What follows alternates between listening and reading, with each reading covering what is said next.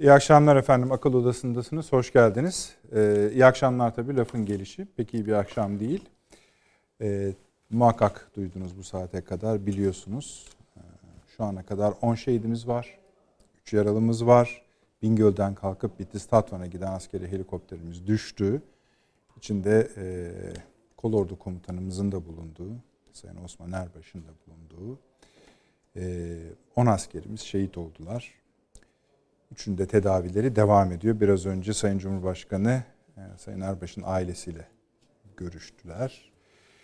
E, bunun üzerine gelen bütün haberleri zaten program esnasında yeni gelişmeleri nasıldır, ne olduğu üzerine çok fazla konuşuluyor. Biz de gayret edeceğiz. Bu akşam e, Fahri Erener Paşa'nın özel notları olacak bizim için. Çünkü kolordu komutanımız arkadaşıydı. Paşam okuldan? Har ee, yok bizden o sizden e, daha genç devre ama Milli Savunma Bakanlığı'nda görev yaptık. Hı. Benden ben, daha genç. Ee, kendisi evet, çok tabii çok, bir arkadaşımızdı. Bizi, yani, evet. yani üzen bir olay. Şehitlerimiz. Ee, yani olayın gelişimine göre e, dediğim gibi bütün hmm, Sayın Sağlık Bakanımız oraya gitti. Savunma Bakanımız orada, İçişleri Bakanımız orada, Genelkurmay Başkanımız orada. Ee, ne gelirse bize anında sizlerle paylaşacağız. Allah'tan rahmet diliyoruz, büyük sabır diliyoruz ailelerine, dostlarına, sevenleri, bütün ülkemize, silahlı kuvvetlerine. Ee, daha da ne denir, ne denir doğrusu bilemiyorum. Ee, Avni abi öyle başlayalım isterseniz sonra yine evet. konuşacağız üzerine. Yani şehitlerimize Allah'tan rahmet diliyoruz. Yaralılarımıza acil şifa diliyoruz. Ee, yani coğrafyayı anlatmama gerek yok. Paşam çok daha iyi biliyor coğrafyayı. Yani e, öyle rahat e, iniş kalkışın ya olduğu coğrafya değil yani zor bir coğrafya o. Ama bunların hepsinde en deneyimli pilotlar, en deneyimli subaylar zaten şu anda. Öyle. Bu helikopterde olanlar. O bakımdan inanıyorum. Yani öyledir zaten. Yani mutlaka bir teknik hata olması, arıza bir şey, arıza bir şey olması lazım helikopterde. Çünkü hepsinin yani sütten ağzı yanan yoğurdu üfleyerek yani e, şey yaparmış, içermiş, yermiş. Ee, yani bu Eşref Bitis olayından sonra bütün e, bu tür uçaklar, helikopterler hepsi çok sıkı bakımdan geçirilerek şey yapılıyor. Onun için Allah rahmet eylesin yani söyleyebileceğim çünkü olayla helikopterle ilgili çok fazla bir bilgim de yok benim. Yani söyleyebilecek başka bir şey şu anda. Yani bizim önümüzde notlar var ama şimdi bu yani bu, bu zamanda tam ne anlama gelir? Onu paşam biraz yine değinir ona muhakkak. Ee, biz yani bu tür e, kazalarda e, daha şüpheci olmaya eğilimindeyiz. E tabii canım yani öyle. Ama Tecrübelerimiz yani, var ama her zaman da bu demek değil elbette sanırım. Bir de şey yapmayalım yani daha biliyorsunuz uçak kazası olsun, helikopter kazası olsun. Bunun işleri uzun sürer. Kaza, kırımlar, sahip falan. Ee, ama bakılması şart. Ayrı Mutlaka bir iyi araştırılacaktır Rica zaten. Hı Süleyman Hocam buyurunuz. Valla tabii ki e, hep söylerim ateş düştüğü yeri yakar ama hepimizde de bir şekilde onun bir parçası düşer. Ee, kıymetli bir komutandı anlayabildiğim kadarıyla. Onunla birlikte şehit olan diğer e, askerler de eminim kıymetli insanlardı. Onlara rahmet diliyoruz. E, ailelerine sabır diliyoruz. E, yaralılara da acil şifa diliyoruz. Acele etmemek lazım. Yani tabii, biraz tabii. soğutalım bana kalırsa. Tabii paşamın söyleyecekleri çok önemli. Ama bu kaza kırım raporu ortaya çıktıktan sonra bunun neden gerçekten kaynaklandığı somut olarak anlaşıldıktan sonra belki daha rahat konuşabiliriz üzerinde. Ee, acı bir olay. Allah tekrarını vermesin. Temenni ediyoruz. Evet. Amin diyelim. Paşam isterseniz şöyle e, ben ilk önce şunu sorayım. Diğer helikopterin bir benzeri var mıdır bu? Arkadaşlar teknik şeylerini boyutları da var. Ee, tabii şey diğer şehitlerimizin isimleri henüz açıklanmadı. Ee, fakat hani kolordu komutanı seviyesinde üç yıldızlı bir general olduğu zaman acaba e, yani başka e, e, toplam tabii öncelikle e, çok değerli silah arkadaşım e, Osman Erbaş paşamıza ve e, onunla birlikte e, şehitlik mertebesine ulaşan e, kardeşlerimize ve silahlı kuvvetlerin değerli personeline başsağlığı ve Allah'tan rahmet diliyorum. Ülkemize de başsağlığı diliyorum. Aileler birlikte yaralılarımıza da acil şifalar diliyorum. Ee, şehit olan e, e, Kor Generalimizle e, Milli Savunma Bakanlığı'nda çalıştık. Daha evvel de birçok yerde birlikte çalıştık ve çok iyi tanıdım. E, vatan ve millet sevgisiyle dolu ve FETÖ ile mücadelede de e, göğsünü FETÖ'cülere karşı siper etmiş tüm generalken çok değerli bir e, arkadaşımızdır. E, ve görev e, zaman mevhum olmadan e, görev yapan çok nitelikli bir askerdir. Zaten de bu görev yaptığı bu çalışmaların karşılığı da kolordu gibi, 8. kolordu gibi terörle mücadelenin en kritik bölgesinde yani işte Diyarbakır'la e, Kulp, Lice Uzun bölgesi, Bingöl ve 5 yıla yakın e, yani süredir o, orada. Yani o makamda. Tabii ve kolay bir iş değil yani orada e, o bölgeyi yapmak. Ben de çünkü Tunceli'de görev yaparken de Tunceli bölgesi de oraya bağlıdır. Bağlı olarak görev yapar o olur diye. E, Bitlis, Bingöl ve oradan hat olarak Tatvan dahil e, Kolordu'nun sorumluluğundadır. E, dolayısıyla muhtemeldir ki Bitlis'ten kalktığına göre Bingöl'den, Bingöl'de e, denetleme veya bir faaliyet vardır. Kendine bağlı bir birliktir ve oradan kalkarak yine kendine bağlı olan diğer bir birliğe doğru intikal halindeyken tabi bunun denetleme olur, bir operasyon olabilir, e, birlik ziyareti olabilir. E, bu maksatla e, yapıldığını ben değerlendiriyorum. E, tabii bu e, Kugur tesadüf müdür 2010 yılında Şırnak'ta da biliyorsunuz düşmüştü Uludere'de ve orada da Şırnak e, tümen komutanı olan e, Tüm General Aydoğan e, Aydın e, şehit olmuştu. E, bu e, Kugur'la e, bugüne kadar Türkiye'de yaşanan 3 kaza var ama e, bir kere bu Kugur'lar Alman ve Fransız ortak tasarım ama Fransa'da üretilen yani ortak yapım değil de ortak tasarım ama Fransa'da üretilen ve Türk Silahlı Kuvvetleri envanterinde bir kısmı sanırım 20 civarı e, hazır alındı. Diğerleri de Tayyip'de üretildi bunların. Yani Türkiye'de e, üretildi. E, bir kısmı bunların e, hava kuvvetlerinde arama kurtarma faaliyetlerinde kullanılıyor. Bir kısmı da kara kuvvetlerinde e, bu tür faaliyetlerde özellikle e, Güneydoğu Anadolu bölgesindeki yerlerde ve yüksek bir hıza sahip bir helikopter esasında. Menzili de oldukça iyidir. Bu yüzden tercih edilen bir helikopterdir ama operasyonlarda genelde kuyruk fazla kullanılmaz. O bölgeye uygun olan e, genelde hep Skorskiler e, ön plandadır. E, onların manevra imkanı ve diğerleri biraz daha üstündür. Ben hepsine bindiğim için e, aralarındaki farkı o şekilde net olarak görebiliyorum. E, tabii bulunduğu konum itibariyle dağlık bölge olması ve sis olması e, yani bunun e, özellikle tabii e, helikopterin şeklini bilmiyoruz. Yani bunda herhangi bir e, sabotaj vesaire gibi şey aramak ve öyle bir iddiada bulunmak e, mümkün değil. E, bu ancak dediğim gibi teknik arama, e, kırım e, raporları sonucu belli olacaktır. E, umulmadık ufak bir parçanın e, arızası. Ancak e, şunu söyleyebilirim, Kara Kuvvetleri Komutanlığı helikopter bakımının helikopter düşebilir. Her yerde e, uçaklar da düşebiliyor, yolcu uçakları da. E, bakımlarının üst seviyede olduğunu her zaman ifade edebilirim. Yani bugüne kadar işte medyada da bugün yer aldı. Yani e, bununla işte kötülemek gibi bir şey veya bakım hatası demek için e, böyle bir şey erken mümkün değil. E, bugüne kadar evet 3 vaka e, bu helikopterin karıştığı ki 1996'da envantere giriyor bu. E, e, ama tabii bunlar e, bir tanesi Kuzey Irak'ta e, terör terör örgütleri tarafından atılan füzeyle. E, diğeri Isparta'da eğitim uçuş sırasında tele takılarak, diğeri de Şırnak'ta yine e, tel veya orada da nasıl olduğu tam olarak daha sonra rapor tabii kaza kırım raporunu bilemediğimiz için onda yayınlanamadı.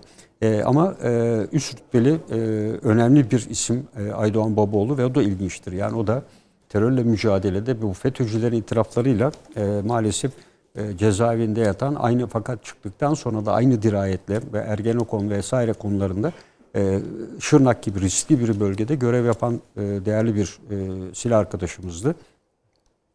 E, burada e, tabii e, şu anda 10 şehidimiz, 3 yaralımız var. Yani bir kere e, bunların içerisinde bilemiyorum tabii yaralılar arasında mıdır? En az 2 pilot, bir teknisyen var.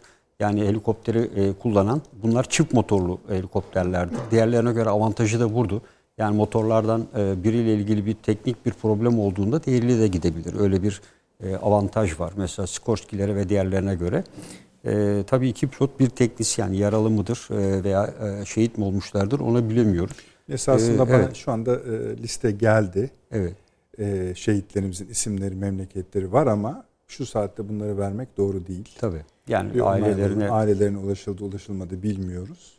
Muhtemeldir. Ee, Verildiğine göre ailelerine Yani e, çok ulaşım olma ihtimali biz yine- kuvvetlidir. Çünkü Biz evet. yine şey yapalım Tabii. paşam. Yani o 2-3 dakika Tabii. gecikmeyle tabii tabii yani e, o bir şey kaybetmeyiz. Ee, kısmı önemli değil. Dediğim gibi yani bu bir e, operasyon sırasında tabii o bölgelerde şu anda e, hava şartları nispeten iyi. Derin kar var. Yani 3-4-5 metreye yakın e, bölge karlı ama e, burada Bingöl Bitli bölgesi de kritik bölgelerden biri. Tatvan bölgesi de. Tatvan'ın e, birliğin sorumlu olduğu harekat operasyon bölgesi de riskli bir bölge. E, dolayısıyla kendi sorumluluğunda bayağı geniş kapsamlı bir bölge olan e, bir e, kor generalimizdi. 8. kolordunun önemi de burada zaten. Yani ben de o kolorda görev yaptığım için bölgesini çok iyi biliyorum. Oradan e, geniş bir alana ve terör örgütünün doğu batı kuzey güney istikamette bütün geçiş noktalarını e, e, kontrol altında tutmaya çalışan e, güçlü bir Tugay'dır. E, o yüzden dediğim gibi yani muhtemeldir ki e, Bingöl'deki Tugay'ı dediğim gibi denetleme operasyon olabilir. Onu bilemiyoruz tabii bölgesel faaliyette arkasından da yine kendisine bağlı diğer bir birliğe doğru e, seyir halindeyken e, olay meydana geldi. Öyle E, evet. Şöyle e, şimdi mesela ilk emareler yüksek yani çoğunlukla yani şu ana kadarki işaretler kazaya ya da bir teknik arızaya Evet. İşaret ediyor. Ancak biz e, daha önceki örneklerden temkinli olmayı öğrendiğimiz için bu elbette silahlı kuvvetler tarafından ya da Genelkurmay'ın ilgili müfettişlikleri tarafından, ara uzmanları tarafından araştırılacaktır. Biz de ben derim ki yani uçak şeylerin, helikopterlerin, başka vakalarda uçakların hepsinin e, genellikle biz özenle bakıldığını Evet. gözlemleriz. Ama bu sefer dahi olsun hepsini yine baştan elden geçirmekte yani biz takip etmekte fayda var gibi geliyor. Yani e, şimdi acımız Biliyorsunuz o büyük. kasa uçakları e, E, kazalarıyla alakalı yani. olarak E, ne, bir de sanki e, siz- uçaklar hani uçan tabut filan diye e, öyle isimlendirilmişti. Evet öyle. Yani Evet. Kasa olayı diye de tarihe geçti yani. Evet. Kitaplar yazıldı hakkında vesaire vesaire. Ne, ne zaman ama onlara ilişkin hatırlıyor kazalara ilişkin 1996. ben hani daha mı erken diye hatırlıyorum. Yok Yoksa- 96'da alındı. 97 e, 97'de e, Silahlı Kuvvetler envanterine girdi. Yani ben e, o sırada görevdeydim. Zaten e, Genelkurmay karargahındaydım. Onların e, toplantıları da yakından takip ettiğim için süreci o tarihte gelinmişti. Yani dediğim gibi e, 20 civarındaydı. Hazır satın alındı. Diğerleri de e, yapılan anlaşma kapsamında TAİ'de e, üretilip e, bir kısmı hava kuvvetleri envanterinde var. E, bir kısmı da bunun kara kuvvetleri envanterinde yer alan. E, 20 civarı e, iyi e, tam tesisat asker taşıma kapasitesi var. Yani o açıdan e, bir timi olduğu gibi taşıyabilen bir helikopter. Yani Sikorsky'ler de e, ona yakın taşıyor. Tam o sayıya bazen çıkılabiliyor rakıma bağlı olarak ama Cougar'ların özelliği buydu. Yani daha evvel dediğim gibi yani 3 kazaya e, karıştı ama bu 3 kazanın Seyahat sebebi ne olabilir? E, seyahat sebebi neyi? Ben yani kendine bağlı e, bir Tugay'dan diğerine gittiğine göre e, muhtemeldir ki e, ben e, büyük çaplı bir operasyon olsaydı iki birlik arasındaki karargahlara gitmezdi. Yani büyük çaplı bir operasyon arazideki bir komuta yerinden e, sevk idare edilir. Birlik karargahlarına bu durumda gidilmez. Muhtemeldir ki birliklerin denetlenmesi veya yapılan bir faaliyetini e, görmek e, maksadıyla ben yapıldığını düşünüyorum ya da bir faaliyet öncesi birliklerin hazırlık durumunu tespit etmek e, maksatlı da olabilir. E, dediğim gibi yani bölge kritik ve hassas bir bölge. E, o yüzden de e, değişik e, maksatları olabilir ama her an için terörle mücadeleye e, hazır olan ve çok başarılı e, görevler ifade eden, başta Bingöl Tugayı olmak üzere çünkü e, o onun bölgesi çok çok daha kritiktir. E, bir tarafa gidersiniz işte Elazığ üzerinden e, Tunceli e, ile bağlanır. E, hemen kuzeyinde e, Bingöl'e gidersiniz. Meşhur Sey ormanları ve oradan kuzeye doğru gidersiniz. E, kuzey, güney, doğu, batı istikametteki bütün terör örgütünün geçiş noktaları. Ve aynı zamanda iklim şartlarının sert olduğu bir bölge. E, biliyorsunuz Bingöl tabii dediğimizde geçmişte de e, maalesef e, kötü izlenim 33 yerimizin şehit olduğu e, Bingöl'ün o meşhur e, rampasının ötesi Elazığ gidiş yolu üzerinde olduğu bir bölge. Yani hemen güneyine giderseniz işte oradan Lice, Kulp e, bölgesiyle Diyarbakır bağlantısı olan bir yer. E, Genç ilçesiyle. E, oralarda e, terör örgütünün e, arazi yapısından da istifade ederek e, çok ters kompartıman dediğimiz e, çok sayıda terör eylemi estirdiği e, zamanında ama şu anda e, ciddi anlamda etkisiz hale getirildiği bir bölge e, olarak düşünebiliriz. E, komutanın e, FETÖ'yle mücadelesine ilişkin de E, tabii yani o 15 Temmuz günü medyada da yer almıştı. E, FETÖ'yle mücadelede e, askerler veya şeyleri kışlalarına dönmesi, faaliyetin durdurulması için e, çok ciddi bir şekilde elbisesinde giyerek e, hala ekranlarda onun görüntüleri vardır sanırım. E, o Var. zaman e, Adana'daydı. Şimdi E, az evet. önce baktım. Ee, o o güne ilişkin 15 Evet. Temmuz'a ilişkin E, o, o gecenin e, Türk Silahlı Kuvvetleri'nin e, olaya müdahil olmasında, daha doğrusu ülkeyi, vatanı ve Türkiye'ye bağlı olan e, subaylar arasında e, kritik görevde olanların başında e, gelen e, bir isimdi.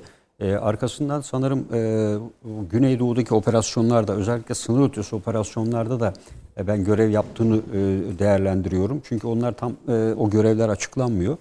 E, o açıdan da e, tecrübeli ama en büyük özelliği dedim müthiş bir görev adamıdır. Yani e, 7-24 saat e, çalışan, e, üstlerine ve milletine çok bağlı gerçekten. Allah rahmet eylesin. E, ve Milli Savunma Bakanlığı'nda görev yaparken de teftiş dairesi gibi çok kritik bir yerde görev yapıyordu. E, bütün bu denetimlerin yapıldığı birimin başındaydı Tuğ Generalken de. Ve ondan sonra dediğim gibi birçok görevlerde de e, yer aldı e, kendisi. Peki. Bir daha tekrarlayalım efendim. Bugün e, Bingöl'den kalkan as- askeri helikopterimiz Bitlis'in Tatvan ilçesine giderken e, kaza kırılma uğradı düştü. Yani şu ana kadar inşallah daha fazla olmasın inşallah 10 şehidimiz var. Bir Korolur komutanı kaybettik. E, muhtemelen başka subaylarımız da vardır. Allah hepsine e, rahmet eylesin. Üç yaralımız var. Şu an e, Milli Savunma Bakanımız, İçişleri Bakanımız, Genelkurmay Başkanımız bölgeye hareket etmiş durumdalar. Hatta varmış durumdalar. Öyle de söyleyebiliriz. E, şimdi bir reklam arası verelim. Dönüşte bir nefes alalım, sakinleşelim. Öyle diyelim en azından. E, sonra devam edeceğiz efendim.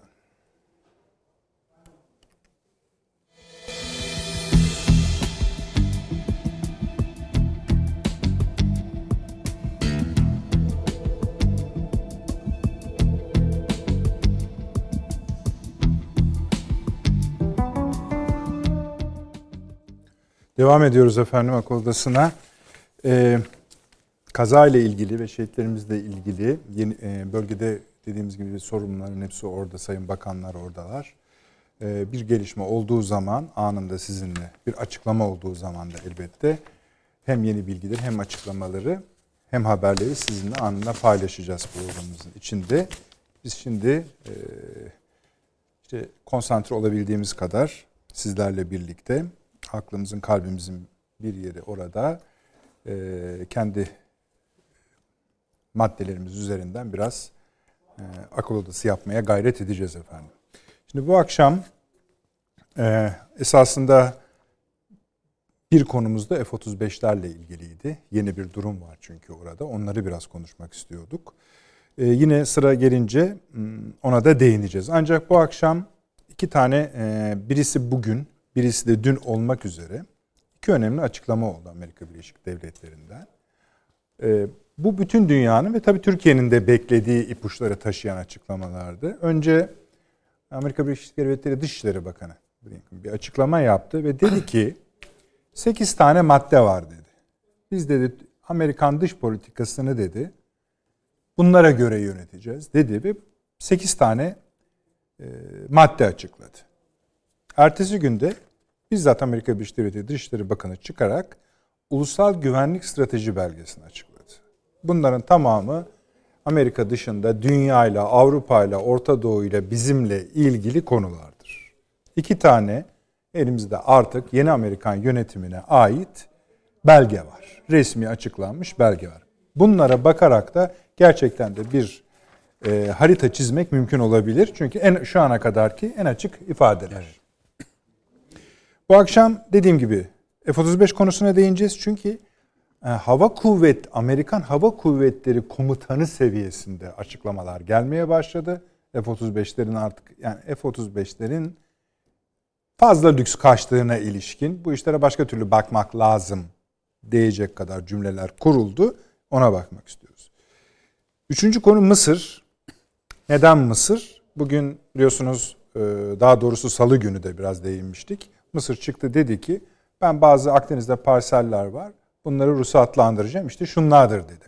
Bunları dedikten sonra da bakıldı ki Türkiye-Libya anlaşmasının sınırlarına, hukukuna riayet edilmiş. Ondan sonra da Atina'da kıyamet koptu. Salı günü biraz bahsetmiştik. İşte Mısır Türkiye'ye yakınlaşıyor, Kahire bizi satacak vesaire. Biliyorsunuz onların yaygaracılığı meşhurdur.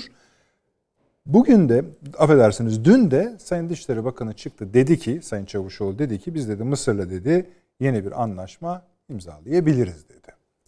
Anlaşılıyor ki Ankara ile Kahire arasında artık başka bir yola girilmiş durumda.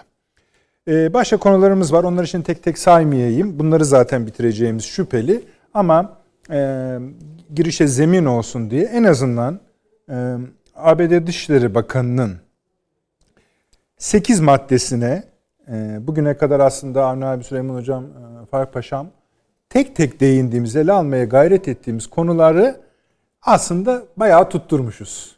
Bayağı tutturmuşuz. Hatta bunun içinde şey dahil. Hani bu çevre iklim duyarlılıkları, Green Deal vesaire vesaire. Ben hepsini okumayacağım. Sadece başlıklarını söyleyeceğim ama dikkatimi e, çeken biri mesela 8 nolu madde direkt olarak Çin. Tek cümle. 21. yüzyılın en büyük jeopolitik sınavı Çin'dir diyor. Fakat Rusya'da hiç bahsetmiyor. Hiç değinmiyor bile. Şöyle genel olarak söyleyelim. Birinci madde şu. Dışişleri Bakanı'nı söylüyoruz henüz efendim. Salgın. Buna bakacağız diyor. İki, ekonomik kriz. Dünya çapındaki boyutu önemlidir diyor. Bunu ele alacağız diyor. Üç, bazı maddeleri tamamen okuyacağım çünkü önemli. Tehdit altında olan demokrasilerin demokrasinin yenilenmesi. Bunun ne demek olduğunu merak ediyoruz.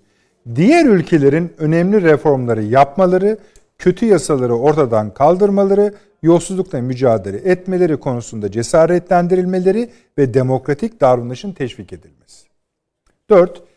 Göçmenlerle ilgili bir hassasiyet var. 5. ABD ve müttefikleri ve ortaklarıyla ilişkilerin yeniden canlandırılması. 6. iklim değişiklikle mücadele edilmesi ve yeşil enerji devriminin yürütülmesi. Biz tam devrime gelmiş miydik onu bilmiyorum Süleyman Hocam ama anlaşıldığı kadarıyla onlar gelmişler. 7. ABD'nin teknolojideki liderliğinin güvence altına alınması. Bu önemli. ABD'nin teknoloji savunmasının güçlendirilmesi, yeni teknolojilerin özel hayatın gizliliğinin korunmasının, dünyayı daha güvenli ve daha sağlıklı hale getirmesinin ve demokrasileri sağlamlaştırmasının sağlanması. Bu demokrasi vurgusu her yerde var maşallah. 8 bahsettik Çin. Büyük sorun diyor. En büyük jeopolitik sınav diyor.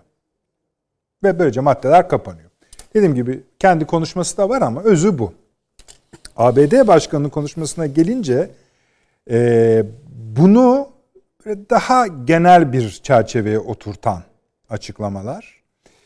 E, ama onlardan da bahsetmemiz şart. Şöyledir efendim. Diyor ki ulusal güvenlik stratejisi üst başlığını taşıyor ama Amerika'nın avantajlarını yenilemek asıl başlığı.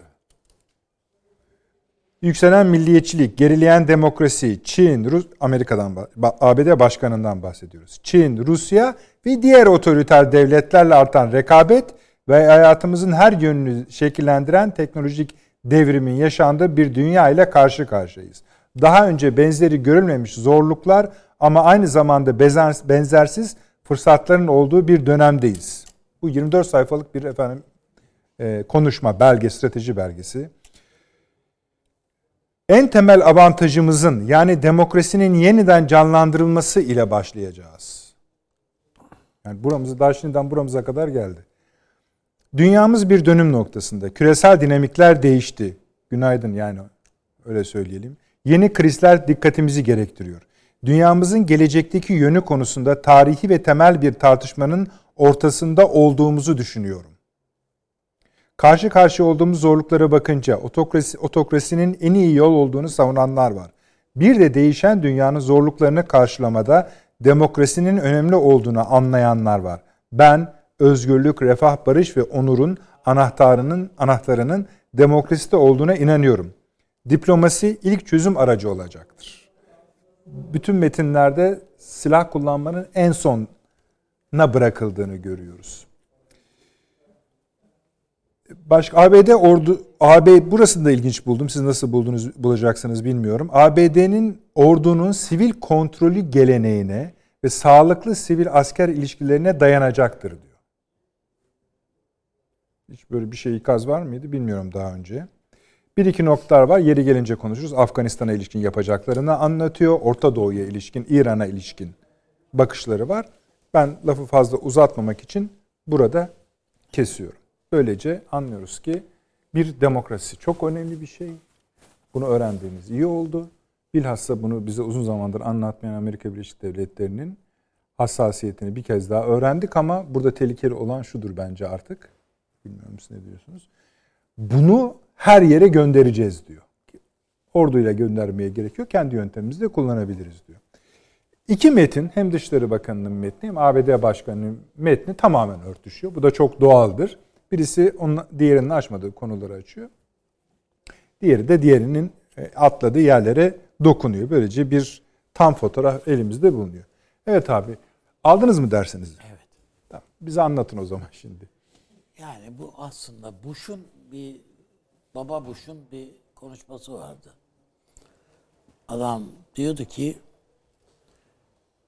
Amerika'nın çıkarları vardır. Bir de diğerleri vardır. Değil mi? Prensip buydu.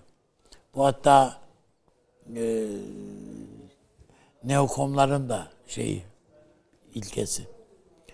E, şimdi şu okuduğun, sıraladığın şeylere baktığımızda ben ne yaparsam bunun bu burada yeri var bunun diyor adam tabii. esasında. Vururum da yani tabii tabii. Yani, efendim e, demokrasi getiriyorum dese ne diyeceksin ya adama? Hani otoriter yani, devletler var diyor yani. Her şey bitti yani. işte. Yani. yani ne gerekiyorsa onu yapacağız diyor adam zaten. Yani. Sizi sevmiyorsa otoriterdir Avni Bey dedi mi tamam. Tabii yani. Otokrattır öyle okul, söyleyeyim. Yani o taşa taşı oraya oturtturur. Bak evet. diplomasiyi de denedik olmuyor senden. Hani nos ile uslanmayanın falan Böyle diyerek gel, üstüne gelebilir. Ee, ben bunların içerisinde ben ne yaparsam o doğrudur. Lafından başka yani özeti bu. Herhangi bir şey görmedim. Amerika bir karar verecek.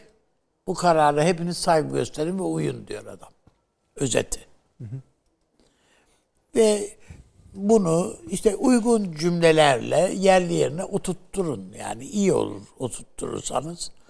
Ee, benim ne demek istediğimi anlıyor musunuz? Gözümün içine bakın filan.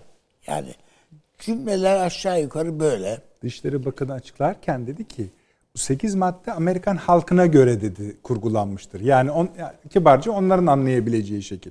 Ha, Amerikan başkanı ha yani Amerikan başkanınki daha küresel şeyler içeriyor. Yani kapsayıcı. Ama Dikkat zeminleri aynı. Müttefiklerimiz ve ortaklarımız diyor. Evet. Burada bir tabir var. Hı hı. Çünkü biliyorsunuz PKK ortak statüsünde. Hı hı. Müttefik, biz sözde müttefikleri var. Bir de has müttefikleri var adamın. Yani işte ki herkesin oturacağı yer belli yani. Burada yalnız karşı olduğu işte Çin'i oturtturmuş ayrı yere. Ee, önemli bir şey Rusya'yı hiç saymadı dediniz. Şey saydı. Dışişleri, Başkan sayıyor, Dışişleri Bakanı evet, saydı. Dışişleri Bakanı saymadı. Başkan sayıyor ama. Neyse onu o da herhalde muhtini mutlu etmiştir. Başkan bizden söz, söz etti değilse diye filan. Böyle bir demokrasiyi çok önemsiyorlar. Bunu da ikisi de yani her olduk. satırda. evet. Her satır. Bu demektir ki çok kötü gelişmeler olacak. Yani İşte öyle mi denir abi? e, yani bu, bu bu kadar önemsediklerine göre bunu e, ve daha ilk işaretler olarak Suriye'ye askerler gönderiyorlar bilmem nerede yığınaklar yapıyorlar falan yani bütün bunlar olduğuna göre demek ki başımıza gelecek kötü şeyler var. İşte Yunanistan'daki yığınakları ne yapacağız? O Dede Ağaç'taki, şuradaki, buradaki. Bütün o Karadeniz'e ilişkin geçen programda konuştuk. Ee, bütün bunları nereye koyacağız? Ee, İran'ın sanki Amerika ile ortaklaşaymış gibi bu Sincar'da giriştiği tuzakları ne yapacağız, nereye koyacağız? Demek ki bir Tahran'la bir alttan bir temas mı var, ne Var, var? var, falan. Onları filan herhalde düşünmek, etmek de lazım. Yani Tahran'ın dünkü açıklaması mesela e, üst düzey açıklaması. Ya şu yaptırımları biraz hani biraz yapın da kavuşalım. Ya yani se- kavuşalım mı diye yani. İran'ın söylediği şu. Yani bizde seçim var. Kaşıma Seçime fazla. gidiyoruz. Bizim elimizi biraz güçlendirin diyor. Rafsanjani. Evet. Tamam yani ruhani de öyle yani. Bir- benim elimi biraz güçlendirin. Halkta da bir homurdanma var. Yani benim iç siyasette satabileceğim bir şeyler ver bana diyor Amerika'ya. O yeter. İran halkını e, ben oyalayayım, idare ederiz yani bir süre falan diye. Muhtemelen e, Türkiye ile e, Irak'ta kapışma işini İran'a havale ettiler. Onu yapacak. Yani Bir daha söyleyin onu.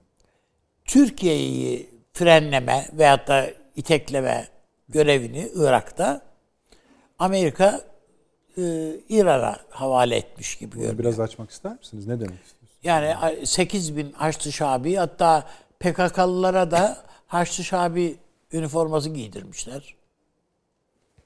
Şimdi tamam da e, Avni abi hani nasıl olacak yani bu rabıtalar nasıl kurulacak? Yoksa kurulu mu zaten? Vallahi bunlar kurulmuştur zaten daha önceden. Sen bu kadar e, şeye yani Ben sizin cümlenizi size söyleyeyim mi? dövüşe hazırlandığı söylenen bir Amerikan-İran kapışması da İran eğer sahneye e, yumruklarını sıkıp çıktıysa ha bir yere güvenerek çıkıyor demektir. Yani az bir cümle kurmadınız esasında. Ya da şöyle söyleyeyim bu cümlenin kuru şu ana herkes görüyordu da şimdi Hiçbir bir kuru. inandırıcılığı yok. Mesela İran'ın bizim e, protestomuza Büyükelçiyi de Ankara'da Ankara'da davet ettik ve ne demek istiyorsunuz siz diye. İşte bu Bağdat'taki Büyükelçinin yaptığı açıklama Evet. Türkiye Irak'ı terk etsin açıklamasıyla.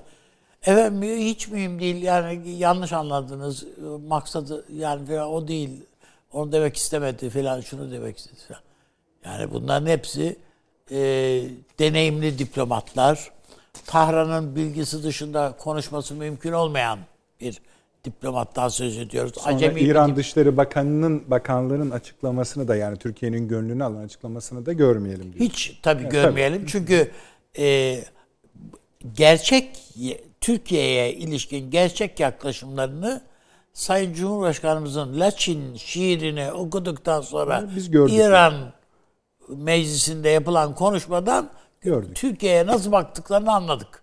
Tabii. Ondan sonra da gönül almaya Ha tabii. çalışmışlardı. Yani Tabii, ya boş haklısın. verin adam fevri bir adamdır. Yani mühim Falan. değil. Kulak asmayın dedik, dediler falan.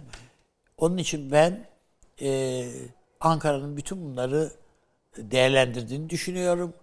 E, İran'ın bu Gara hadiseden dolayı gayet mutlu. Çünkü o bölge e, İran açısından gayet sıkıntılı bir bölge idi. Hem Kandil hem orası sıkıntılı bir bölgeydi gayet. E, PKK'yı da yüreklendirdiler. Dikkat edin yani e, PKK'nın son dönemde Hatta sadece PKK'nın değil. O bölgede IŞİD dahil, DH dahil yani efendim e, bu El-Kaide bağlantılı bir takım gruplar dahil hepsinin Türkiye'ye bir sızma teşebbüsü hepsinde yakalıyoruz yani de. Ama eylem için Türkiye'ye saldırdıklarına yani e, eğer ki doğrudur yani İçişleri Bakanlığı'nın o manada açıklaması 300'e yakın eylem önlen, önlenmiş vaziyette. Ya bu nereden birdenbire tekrardan bitik anlandı bunların? Onun için ben e, Türkiye'nin bu güvenlik değerlendirmesini bir şekilde yaptığı, yapacağı kanaatindeyim. Bir anda bakıyorsun e, Yunanistan adeta savaş çıkarmak için uğraşıyor kardeşim. Yani biz yani altta bu, bugün biz alttan alırız. Bizim komutanlarımız ya bunun maksadı budur diye şey yapabilir. Ama bir tane subayın tepesi atar bir şey yapar. Bir anda iş ip kopar yani bu işte. Yunanistan bunu nasıl göze alıyor? Ve alıyor demek ki. Bu kadar yüreklendirdiklerine göre Yunanistan'ı, Yunanistan kendi cesaretiyle değil, mutlaka Amerikan bilgisi dahilinde bu şeyi yapıyor. Bu kışkırtmayı yapıyor. Onun için e, Türkiye'nin e, sert bir döneme kendisini hazırlaması gerektiğini düşünüyorum. Ve çok yönlü olarak. Tabii çok yönlü olarak. Bu arada inşallah bu Mısır anlaşması gerçekleşir ve sadece pet, şey bu e, doğalgaz işte arama şeyinden kalmaz. Onun ötesinde de Mısır'la irtibat. Zaten o herhalde hallolsa Siyah- yani o deniz meselesi hallolsa Yani o daha bir kapı da açacaktır. Eğer mümkün olursa efendim Suriye ile de bir şeylere bakmak gerektiğini düşünüyorum ve Bu sizin keza- dediğiniz tabii İran meselesi evet. Astana'yı da etkiler, Suriye'yi Hepsini de etkiler, hepsini yani Burada etkiler derken- Türkiye'nin pergeli yani e, Ankara'da tutmak kaydıyla ama mutlaka Rusya'yı içine alan bir halkanın bir hattın içinde tabloya bakmasının önemli olduğu kanaatindeyim ben. E, çünkü aynı dertten muzdarip Rusya'da. Ha burada bizden farklı olarak İran'ı gözden çıkaramazlar. Biz hani biz gözden mi çıkaralım diyorum. Hayır yok. Asla böyle bir şey söz konusu değil. İran'la savaşalım mı? Hayır. Kesinlikle böyle bir şey söz konusu olma. Değil yani. Türkiye böyle bir şeyden zarar görür. İran'ın kendi kendine parçalanmasından da biz zarar görürüz. öyle öyle istem yani böyle bir şey Yani, istemeyiz yani yani. asla böyle bir şey Ya istemeyiz. esasında bu dört ülkenin yani güneyimizdeki üç ülkenin herhangi bir şekilde parçalanmaması gerekiyor. Evet. Ama yani eğer parçalanacaksa da parçalanır kardeşim. Zorla bir arada tutacak halimiz yok bunları. Gayet tabii de işte yani ne kadar bunu engel Ama- olmaya çalışırsak iyi. Ha biz hepsi için yani şu anda en şey hasmane baktığımız işte Suriye dahil herhalde Suriye yönetimi de yani Esad da biliyor ki Türkiye Suriye'nin toprak bütünlüğü diye sah- sahada duruyor. Hala Öyle tabii. bütün herkes başka şeyler söylerken Türkiye böyle diye bakıyor. Dolayısıyla e, Ankara'nın bu kartı, bu kartları yeniden e, nasıl yapıyoruz, nasıl ediyoruz? Bütün bunlara bakarak tekrar e, kimler ileriyiz, kimler geriyiz? Bu e, Suudi Arabistan işi, Birleşik Arap Emirlikleri geriye çekildi çünkü. Bu Mısır'da. Mısır'ı ortalıkta bıraktılar. Bütün paralar Birleşik Arap Emirliği'nden geliyordu.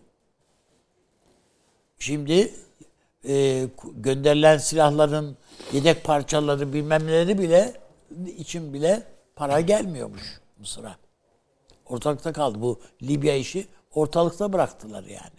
İşte Libya'da birçok şeyi zaten e, Fahri Paşam mı söylemiş? Gücü de yetmedi. Yani yardım par, maddi nedenle. Ya kes bitti. Maddi nedenler değil. Bir şey yapma niyetlendiler. Yani 100 liraya yapılacak işi 60 liraya yani ucuza kapatmaya kalktılar. Olmadı. Olmuyor zaten bu işler böyle. Ne gerekiyorsa onu yapacaksın. Mısır'ı ondan sonra suçladılar ve Mısır'ı ortalığa salıverdiler şimdi. Yani tekrar onun altını çizelim. Yani eğer İran'a gerçekten de böyle bir rol verildiyse ki rol ver- yani Ya bunun işaretleri var canım. var canım var. Görüyoruz. şey Ee, bu arada Ya Papa için Irak'ta yapılan süslemeleri gördünüz değil mi yani? Ya daha iki gün önce siz sizi perişan ettiler yani. Ezdiler geçtiler. Ortada devlet diye bir şey kalmadı. Şenlik şu kıyamet yani. peki. Sistani filan ne diyecek acaba Papa'ya? Papa Hazretleri hoş geldiniz. İşte ne yani bu, bu. Peki. Biliyorsunuz ayağını değdiği yer kutsal. Bir de hiç şey yapmıyorlar. Ya kusura bakmayın diyerek bundan önceki papa biliyorsunuz geldi Ayasofya'da e, öpmeye kalktı, öptü. Biliyorsunuz. Döşemeyi. Evet, bir Ama ne yaptığını bilerek yapıyorlar bunları. Yani hiç öyle tesadüf hani benim içeriden hani Allah aşkı ıı, böyle içimden bir depreşti de yaptım diye değil. Öyle onun ne manaya geldiğinin farkında olarak yapıyor. Bir kötü haberimiz daha var efendim. Ee, yaralılarımızdan birini daha kaybettik. Böylece şehit sayımız 11'e yükseldi. Ee, Onun için de Allah'tan rahmet diliyoruz. Bu arada tabii üst üste devletin üst düzey yöneticilerinden ve siyasetçilerden, siyasilerden başsağlığı mesajları geliyor. Türkiye e, Sayın Cumhurbaşkanımız zaten ailelerle de görüşüyor. O başsağlığı veriyor. Ee, Türkiye Büyük Millet Meclisi Başkanı başsağlığı yayınladı. Cumhuriyet Halk Partisi Genel Başkanı Sayın Kemal Kılıçdaroğlu başsağlığı yayınladı. Milliyetçi Hareket Partisi de e, Genel Başkanı Sayın Devlet Bahçeli de e, şehitlerimiz için başsağlığı mesajları yayınladılar. Şu an itibariyle de e, şehit sayımız 11 Allah rahmet eylesin diyoruz. Ve e, bir reklamlara gidelim efendim devam edeceğiz.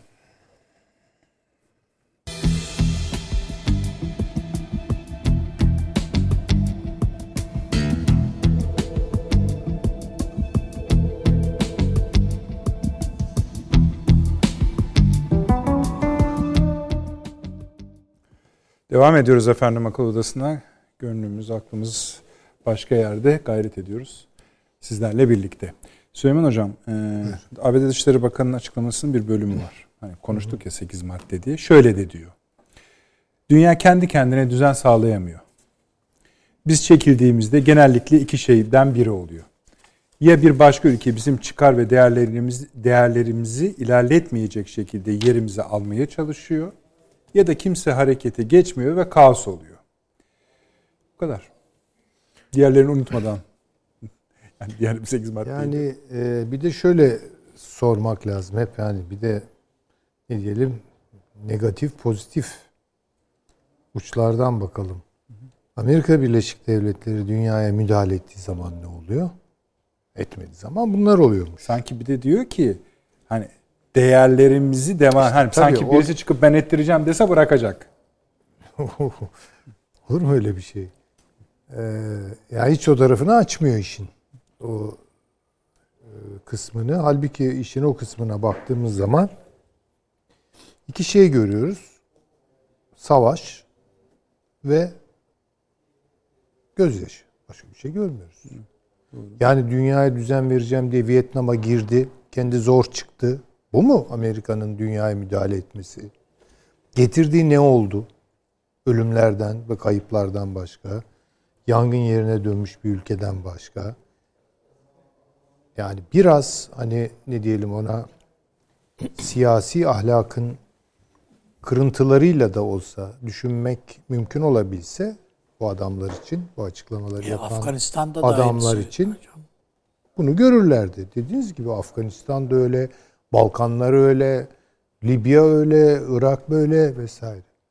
Yani şimdi onun için yani bunu söylemesi hayra yorulacak bir şey olmaktan çıkıyor.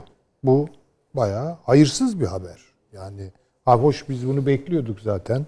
Aşağı yukarı öngörüyorduk. Ama bunu deklare etmiş oldular. Kesinleştirmiş oldular.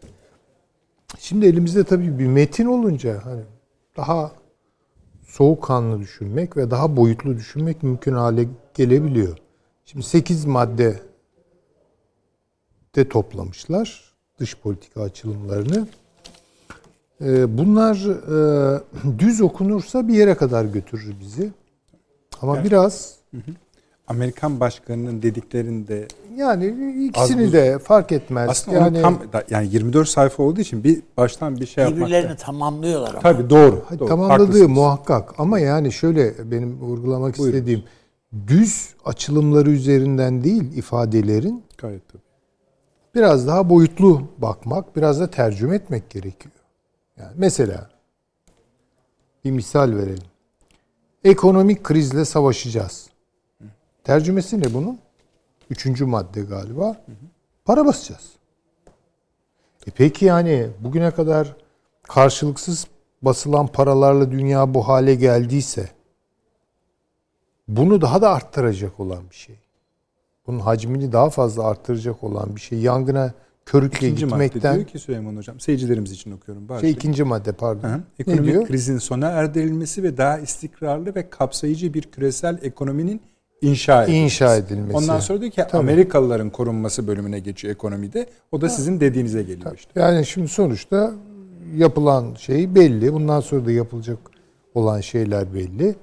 Yani en son doları çekebilecekleri en nasıl söyleyeyim kritik noktaya kadar çekip doları patlattıktan sonra zaten istedikleri düzeni kurmak için e, her türlü zemin oluşmuş olacak. Bu ara bütün bu krizlerden beslenecek kar çevreleri yani adeta insanlığın artık kanını emiyorlar filan diyeceğim ama emilecek bir şey de kaldı mı onu da bilmiyorum. Son büyük vurgunlarını yapacak. Ekonomiyi düzeltmek oluyor tabii ki bu. Ne ekonomik verimliliği, üretimi arttıracak bir ifade var burada. Ne dağıtımla ilgili ki Amerika'da çok ciddi gelir e, uçurumları oluştu. Evsizler, güvencesizler. Bunlarla ilgili en küçük bir zaten ifade başından beri yoktu da şimdi de zaten olmadı anlaşılıyor. Yani tercüme ettiğiniz zaman biz finansal çevrelere güzel bir servis vereceğiz yani. Bu bu anlaşılıyor. Şimdi mesela teknolojik e, yedinci madde belki siz daha güzel anlatacaksınız onu. Burada var. Şimdi açayım hemen ben de size. Yedinci madde ABD'nin teknolojideki liderliğinin güvence altına alınması. Güvence altına alınması demek ki kaybetti. Yani şimdi buradan düz çıkarılacak Tabii. sonuç bu. demek ki bir mağlubiyeti kabul ediyor. Niye kaybetti? Onun üzerinde bir tahlil var mı yani? Teknoloji. Çin diyor hocam işte. Ha patent hırsızlığı. Ne mücadele edeceğim demek. Mesela bunu çevirirsek Tabii. patent hırsızlığıyla mücadele edeceğim. Çinli öğrencilere katı e, vize Kaçıncı uygulamaları sizin söylediğiniz gibi? İşte bu yedinci. mesela yedinci madde. Sekizinci maddeye bakarsanız anlarsınız. Ve sekizinci madde ithama erdiriyor onu. Evet. Taçlıyor ya da daha e, doğru bir ifadeyle. Çin'le uğraşacağım. Çin'le uğraşacağım diyor ama buna da inanmayın. Çin'le uğraşmayacak, uğraşamayacak. Çin'in kapasite genişlemesi, Çin'in büyümesi devam ediyor. Yani bu bunu görmek gerekiyor. Bunu neyle yapacaksın sorusu başlı başına. Yani kendi bütçenin üstünde bir borç altındasın. Yani her şeyini e, satmaya kalksan bir senelik üretimin içinde borcunu ödeyemiyorsun. Sen böyle bir Amerikasın ve diyorsun ki dünyaya ben düzen vereceğim. Çin'i hizaya getireceğim. Ekonomiyi düzelteceğim. İnanılır mı böyle bir şeye? Hiçbir şekilde inanılmaz. Hocam şimdi şey, mesela bir şey ekleyeyim size. İngiltere'nin aklına gelmeyen değil yani mutlaka da seslendirmediği şeyi Amerika seslendiriyor. Hong Kong'da diyor İngiliz vatandaşı olma hakları var o insanların diyor. Lan ne, sana mı düştü bunu İngiltere hatırlatabilir yani. Evet. Ee, doğru. Mesela ortaklarla ilişkilerin yenilenmesi ben diyor yeni bir soğuk savaş başlatıyorum ve soğuk savaşın gözde kurumu olarak bugüne kadar işte Trump döneminde filan imal edilmiş NATO'yu zinde bir güç haline getireceğim. Bunun ilk tercümesi bu. Meali derinleşebilir. Yani daha da Tabii. derinleştirebiliriz. Bu Avrupa'nın üzerine çökeceğim demektir. Avrupa'nın üzerine çökeceğim demektir. Ee, demokratik yenilenme dediği şey bu Rusya'ya söylenmiş bir şeydir en başta. Öyle Onu, mi? Tabii ben öyle görüyorum. Şöyle bir bölüm var. Diyor ki Dışişleri Bakanı'nın konuşmasında demokrasiyi maliyeti yüksek askeri müdahaleler ya da otoriter rejimlerin güç kullanarak devrilmeye teşebbüs edilmesi aracılığıyla teşvik etmeyeceğiz. işte Bu taktiklerin geçmişte denendiğini beceremediğimizi, Fakat Biden yüzümüze gözümüze bulaştırdığımızı biliyoruz. Peki. Biden yönetiminin bunu farklı şekilde yapacağı. Tabii. Bu da Onu da nasıl olacak? söyleyebiliriz. O CIA'ye geliyor. işte. Kışkırtıcılıkla olacak. bu. Tabii işte. Yani, şey var tabii ki. hani 28 Şubat'ta bizde bir manşet vardı. Artık e, silahsız güçler yapacak işleri diye. Evet. Yani e, Rusya'ya, Türkiye'ye gösterilmiş bir kart. yani. Bakınız bu sadece hani basit olarak ya bizim istediğimiz tipte bir üye değil Türkiye meselesi değil. Çok daha ağır bir kavram kullandı e, bir yetkili Amerika'da. Serseri devlet olmaya Rus doğru devleti. gidiyor. Haydut devleti. Haydut devlet. Ya bu ne demek ya? Evet. Bu ne demek ya? Bu Türkiye'ye müdahale. Bugün New York'ta çekmişler Stop Erdoğan Evet. diye Thames Var bu akşam konuşuyoruz. evet meydanında. Kim bunları finanse ediyor? Kim bunu kotarıyor? Kim bunu tezgahlıyor? Başladı yani.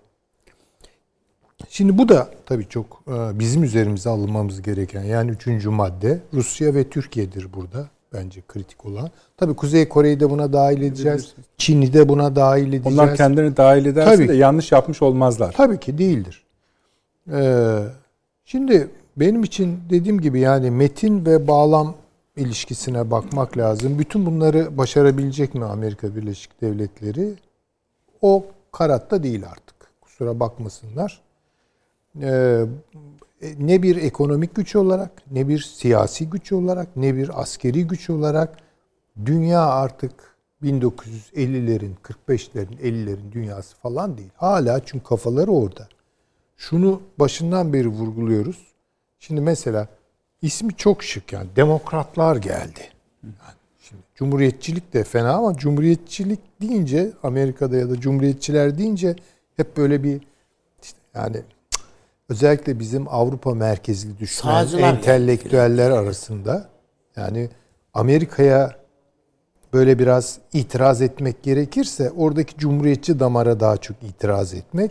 E Ama demokratlar zaten soldur. Yani daha Avrupa'yı düşünürler. Yani bize daha yakın düşünürler. Dolayısıyla onlardan da bize demokrasi gelir. Oralardan demokratik olarak beslenir. Bu çok yanlış. Niye yanlış? Çünkü bugünkü tablo Biden'ın arkasındaki ittifak neokon ağırlıklı. Ki cumhuriyetçilerin en böyle hani ana damarlarından birini oluşturuyor. Bugün oluk oluk kanı şeye taşıyor. Demokratlara taşıyor. Bunu görmüyorlar. Yani bu bunu bir kere hiçbir şekilde unutmamak gerekiyor. Ekonomiyi değiştireceğiz. İşte yeşil devrim yapıyoruz falan filan hikayeleri. Bu Şunu e, okudum ya e, Süleyman Hocam. Yani bu teşhisten bizim anladığımız bir şey var. Biz bunu çok önce söyledik. E, sizler paylaştınız, izleyicilerimiz dinledi, katkıda bulundular. Dünyamız bir dönüm noktasında küresel dinamikler değişti diyor. Kim diyor? ABD Başkanı. MGK kararını hatırlıyorsunuz. Evet. Hı. Yeni krizler dikkat gerektiriyor. Dünyamızın gelecekteki yönü konusunda tarihi ve temel bir tartışmanın ortasındayız. Ne o, onun an, biz aynı cümleleri kuruyoruz. Onun anladığıyla bizim anladığımız arasındaki fark nedir? Ya şimdi bir fark tabii yok. o iki Hiç alakası yok. hiç alakası alakası yok, olduğunu peki. ben de zannetmiyorum. Yani metin tabii aynı dil, aynı kavramlar, küreselleşme, teknolojik gelişme, dijitalleşme kullanabiliyoruz ama bunları ne, ne niyetlerle ve hangi Niye beklentilere şöyle dönük olmaz mı? olarak Biz bu cümleleri kurduğumuzda sonunu şöyle bağlıyorduk. Artık Amerika eski Amerika değil. O da aynı niyette kuruyor olamaz mı? Evet hakikaten durum kötü diye olamaz mı? Tabii o zaman yani bunu söyleyen Trump'tı ama. Trump dedi İşte ki yani, Biden da söylüyor.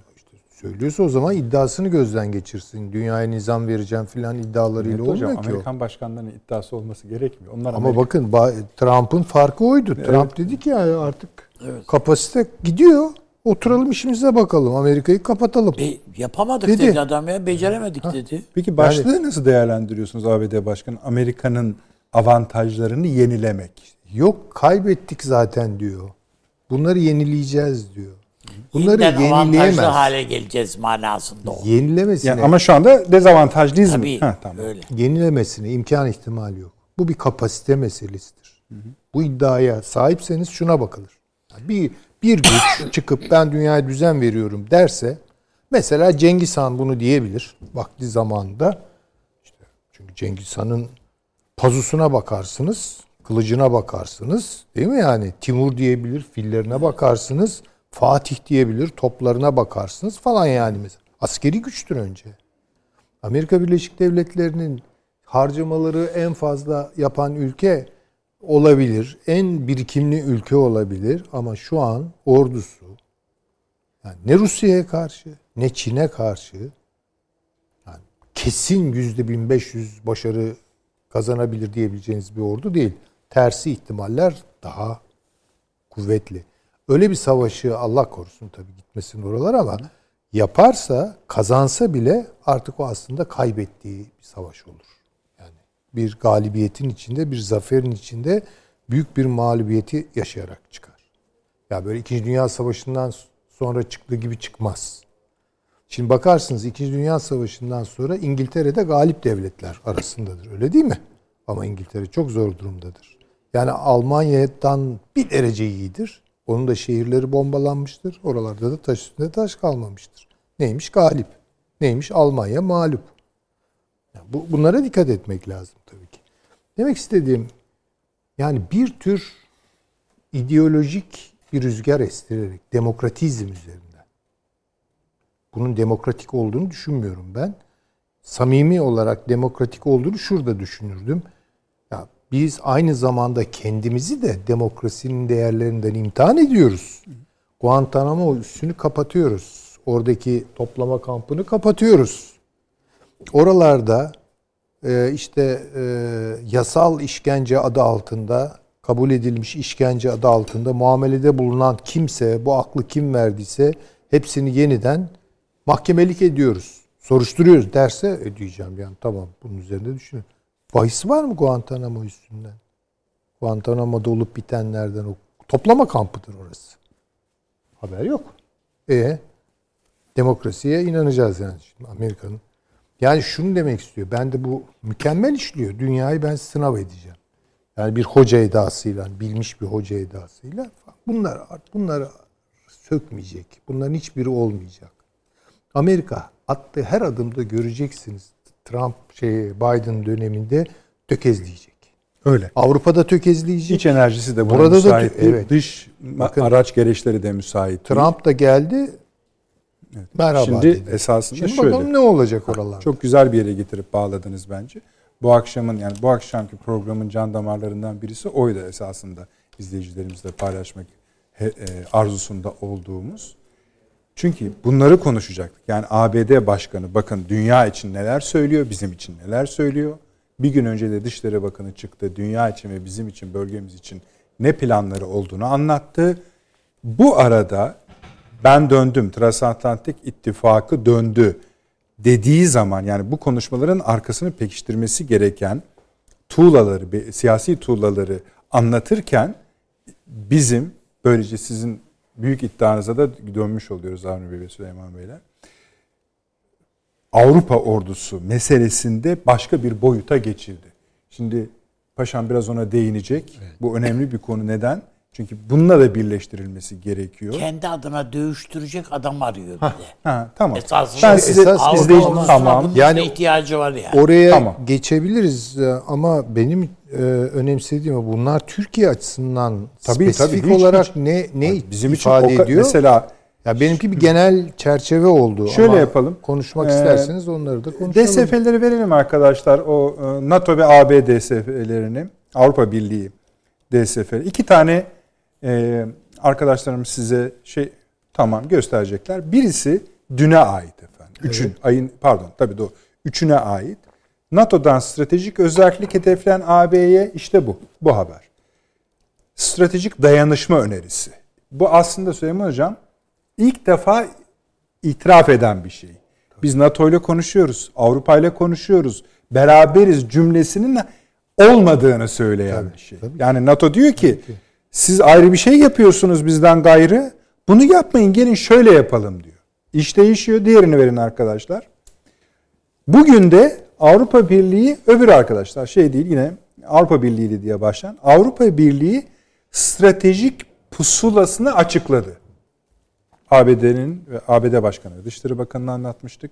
Şimdi anladık ki ABD'nin Transatlantik İttifakı'nda ve NATO Avrupa Birliği ilişkilerinde ciddi bir kriz var. kriz var. Bunun başka ismi. Çünkü arkadaşlar evet onları da verin. Öncekini de verin. Bu stratejik belge gizli bir belge. Şu anda. Açıklanacağı içinden bilgiler bilgilerimiz vardır.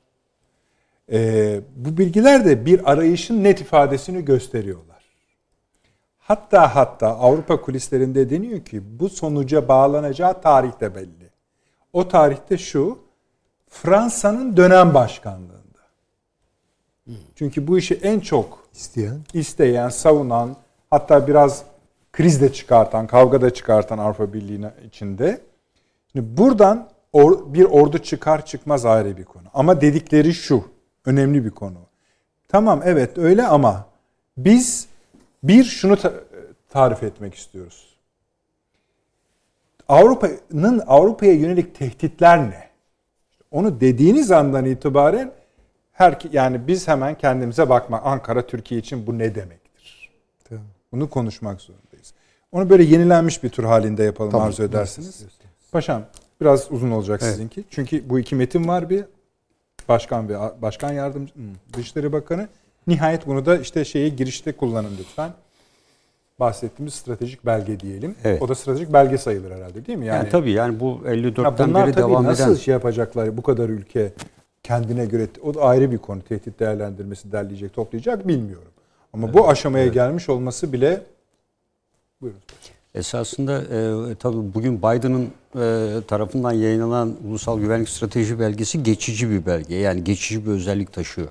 E, bunda ben e, Trump'ın yayınlamış olduğu e, 2017 sonu 2018'de yürürlüğe giren stratejik belgede e, Trump önce Amerika demişti.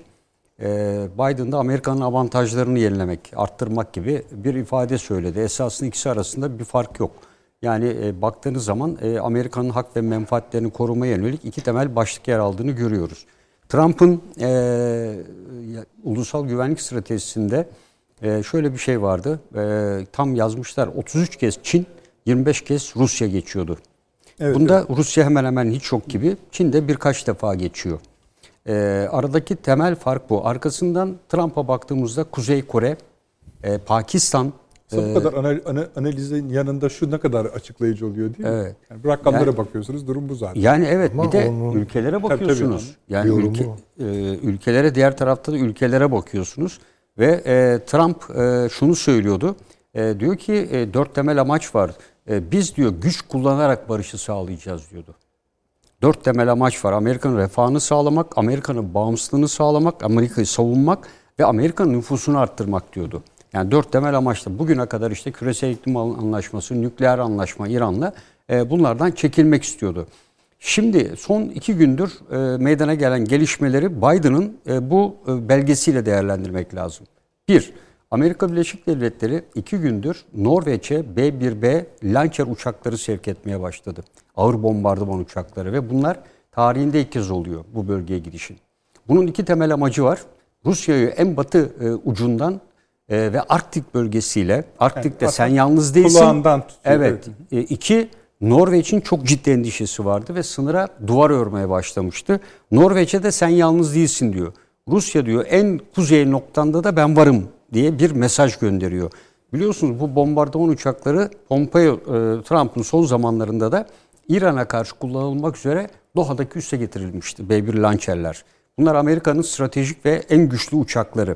E, ve e, bunun tam muadilleri esasında Rusya'da yok. Yani bunlar e, nükleer yeteneğe de sahip olan, atma kapasitesine sahip uçaklar.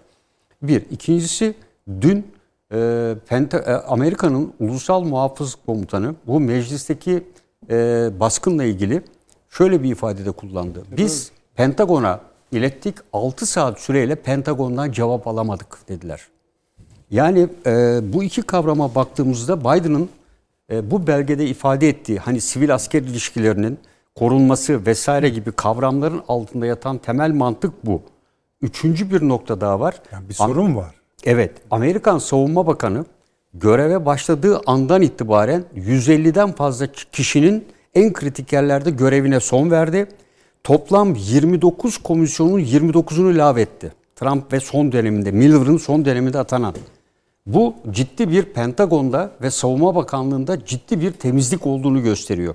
Yani e, önceki dönemde yerleştirilenlerden e, ve e, ülkeyi veya Trump'ı yanlış yönde bilgilendiren Pentagon'un başka bir istikamete doğru gittiğini anlatan Ulusal Muhafız Kuvvetleri'nin komutanı Tüm General'in dün vermiş olduğu senatodaki e, bu e, konudaki biliyorsun devam eden soruşturma var.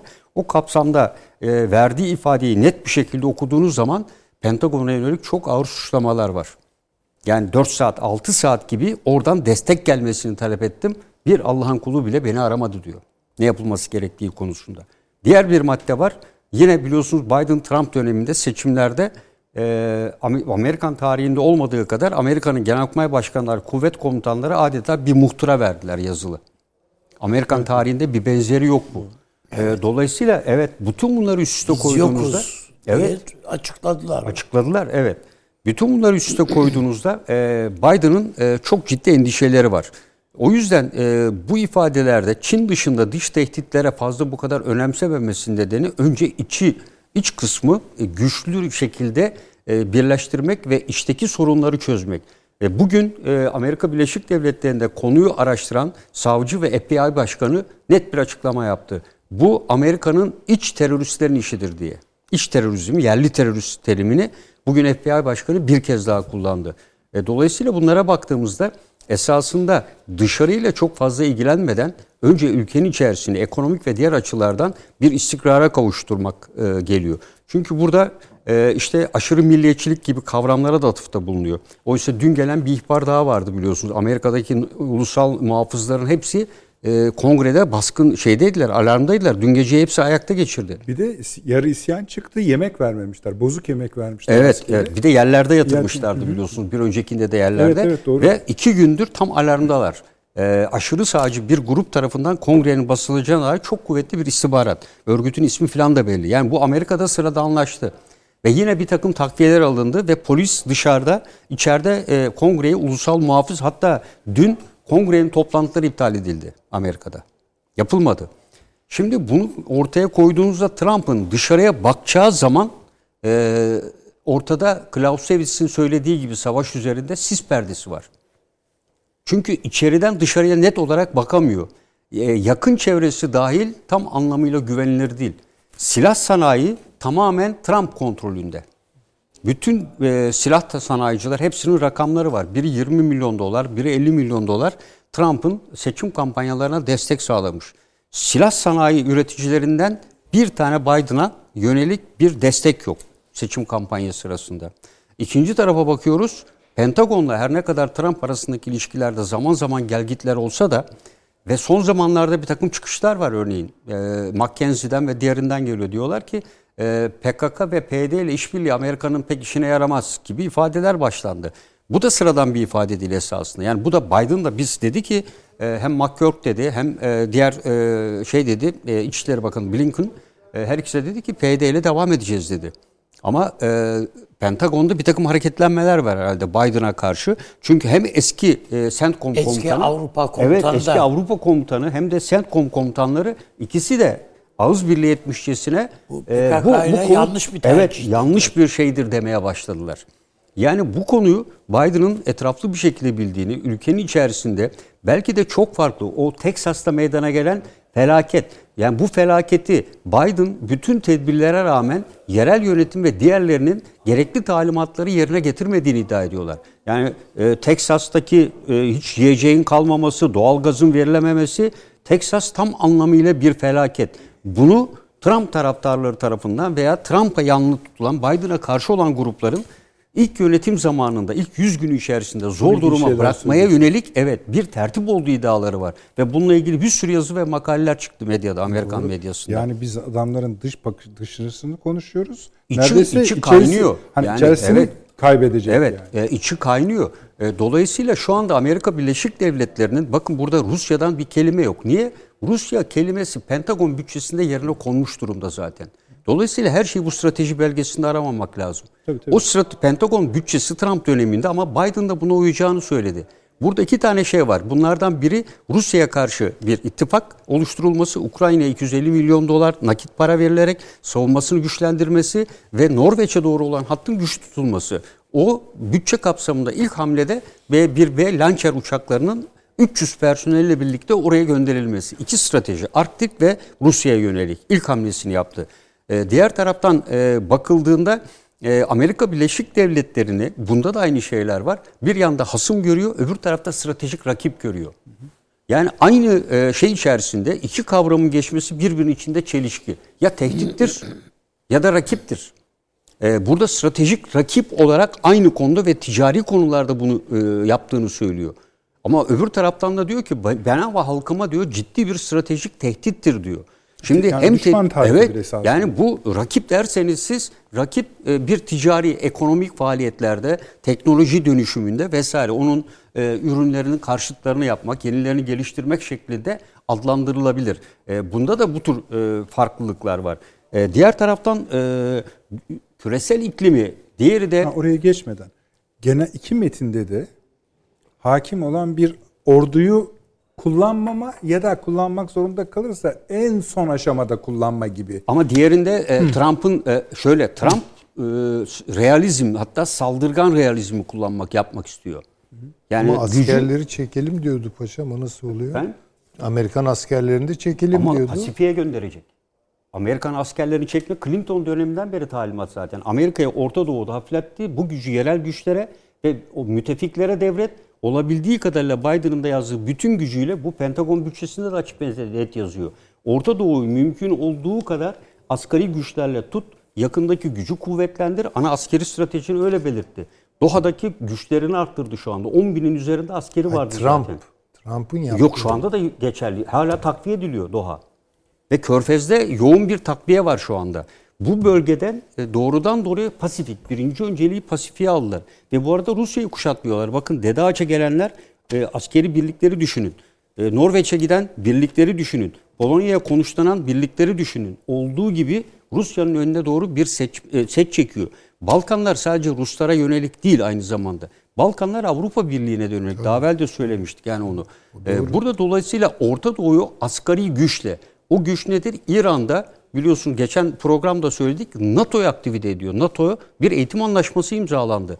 Koalisyondan Irak'ın kontrolü ve eğitimi bütün güçler dahil tamamen NATO'ya devrediliyor. Orta Doğu'yu bir bakma NATO'ya e, NATO'ya verecek tabii. na- o da daha da ötesi hainlere bırakıyor hocam. Yani içeride Evet, evet. buldukları hainlere, çetelere bırakıyor. İşte PKK'ydı, PYD'ydi. Haçlı Şabi'ydi, Haçlı Şabi'ydi. DAEŞ'le uğraşsınlar diyor bir de. Daha Arada ziyade- dengeleyici bir mekanizma bunlar da koyuyor. birbirlerini yerler diyor Evet. zaten. Yani e, mesela İsrail ne yaptı? İki gün evvel Şam'ı yoğun bir bombardımana tabi tuttu. Hemen ne zaman Amerika'nın yaptığı hava bombardımanının e, Haçlı Şabi unsurlarına yönelik ya- yaptığını söylediği bombardımanın hemen bir gün sonrası da İsrail aynı şekilde İran milislerinin Şam güneyindeki mevzilerini vurdu. Oraya da gidip baktığınızda. İşte şöyle ifadeler var da onun için söyledim paşam. İşte ABD'nin binlerce kişinin hayatına ve trilyonlarca dolara mal olan sonsuz savaşlara girmeyeceğini belirten başkan. Amerika'nın en uzun savaşı olan Afganistan Savaşı'nı sona, sona erdirmek için sorumlu şekilde çalışacağını ve Afganistan'ın bir kez daha ABD'ye hedef alan terör saldırılarının merkezini yapmayacaklarını söylüyorlar. ABD'nin Orta Doğu'da ABD'nin askeri varlığını uluslararası terörist ağlarını sekteye uğratmak, İran'ın saldırganlığını caydırmak ve ABD'nin diğer hayati çıkarlarını korumak için gereken düzeye ge- düzey E, Trump'la arasında hiçbir fark yok. Peki. E, Baktığınız Tamam. zaman e, ben ikisini de mukayese ettim. E, İkisi arasında bu konuda kelimeler farklı, cümleler farklı. İkisinde de İran aynı şekilde ve en önemlisi burada bakın Biden kitle imha silahlarına ciddi atıfta bulunmuyor. Kitle imha silahları az. Ama e, şeyin e, Trump'ın yazdığında kitle imha silahlarına yapılan atıf sayısı 9 ve 10 civarında. Kitle imha silahı lafını geçen. Ben burada şu anki tabi bu geçici hiç kitle imha silahı görmedim. Bu ifade ben de- yok. Kuzey Kore yok. 24'ün Evet bir öncekinde Pakistan var. O da yok. Peki paşam. Ee, Avrupa'ya sonra geçeriz ama buradan Türkiye'ye çıkan ne? Yani ABD Başkanı Dışişleri Bakanı'nın konuşmasından Türkiye'ye çıkan ne? Evet buradan e, buradan Türkiye'ye çıkan e, esasında müttefik e, müttefik ve ortaklığa yapılan bir şey var e, burada. Vurgu. Küresel dinamiklerin artık değiştiğini diyor. Ve burada e, yeni krizlerle birlikte işte geçen gün Dışişleri Bakanlığı sözcüsü de Türkiye ile Suriye'de dedi e, ortak çıkarlarımız var gibi, ortak e, göre, e, bir şeyler yapabiliriz gibi bir ifadede bulundu. Yani İbrahim Kalın, Sayın Kalın'ın yaptığı açıklamadan hemen sonra arkasından bulundu. E, Sayın Kalın da bundan bahsetti zaten. Yani bizim e, bir takım ortak e, noktalarımız olabilir. Yani bunlar da iki ülke arasındaki bir takım e, görüşmelerle belki bir noktaya ulaşılabileceği gibi Suriye özelinde. Irak'ı söylemiyorum. Genel olarak bu iki metin toplamında bize avantaj üretiyor mu sizce? Hayır yok bize ama üretilen bir avantaj yok. Hayır, Yani genel politikalar böyle giderse Türkiye'ye bir, şey- bir bir yerde Türkiye ile kesişecek yolları. Evet. E, Burada olarak- e, burada e, gerektiğinde güç kullanmaktan tereddüt etmeyiz. Herkese verilmiş olan en güç mesajdır. Yani kullanmayacağım diyor esasında. Ben öyle anlıyorum. gerek ama şunu diyor. Gerektiğinde Rusya E, Amer- saldırırsa ne yapacak? Amerika'nın hayatı önem çıkan ulusal çıkarları için gerektiğinde e, güç kullanmaktan. Trump da aynı şeyi söylüyordu. E, dolayısıyla bu ikisine baktığımızda e, güç kullanacak. Yükselen milliyetçilik, e, otoriter devletler kavramı var burada. E, dü- e, Birçok zorluklar, benzersiz fırsatlar olduğu e, gibi ifadeler var. Yani bu bütün ülkeler hedef olarak gelir. Ama burada bir öncekine göre baktığımızda e, bir tek dediğim gibi Afganistan'dan burada bahsediyor ama aynı konuyu diğer tarafta da terörle mücadele kapsamında Afganistan ve diğer ülkeler atıfta buluyor. Bunun Afganistan olayı zaten Trump da biliyorsunuz bunlarla anlaşma yapmayıp ve buradan adamları çekmeye çalışan askerlerini çekmeye çalışıyordu Trump da. Terör listesinden çıkartmıştı Taliban'ı. E, dolayısıyla buraya yazılmış olan da esasında Afganistan konusu da yeni bir şey değil. Yani bu zaten e, strateji olarak da ifade edilmişti. E, o yüzden yani Türkiye'ye yönelik olarak ciddi bir mesaj burada yok. Ancak en önemli ifade AB'nin e, güç kullanma. E, gerektiğinde güç kullanma. Yani o sopayı her zaman için elinde tutmaya devam ediyor. Peki, Ama Amerika hegemon güç turda- olma karakterini yitirmiştir. Ve bununla bence Çin'in ifade ettiği bir kavram vardı. Yeni bir tür büyük güçler ilişkisi kurmak. Yani sen beni diyor sıradan atma diyor. Ben diyor büyük gücüm diyor.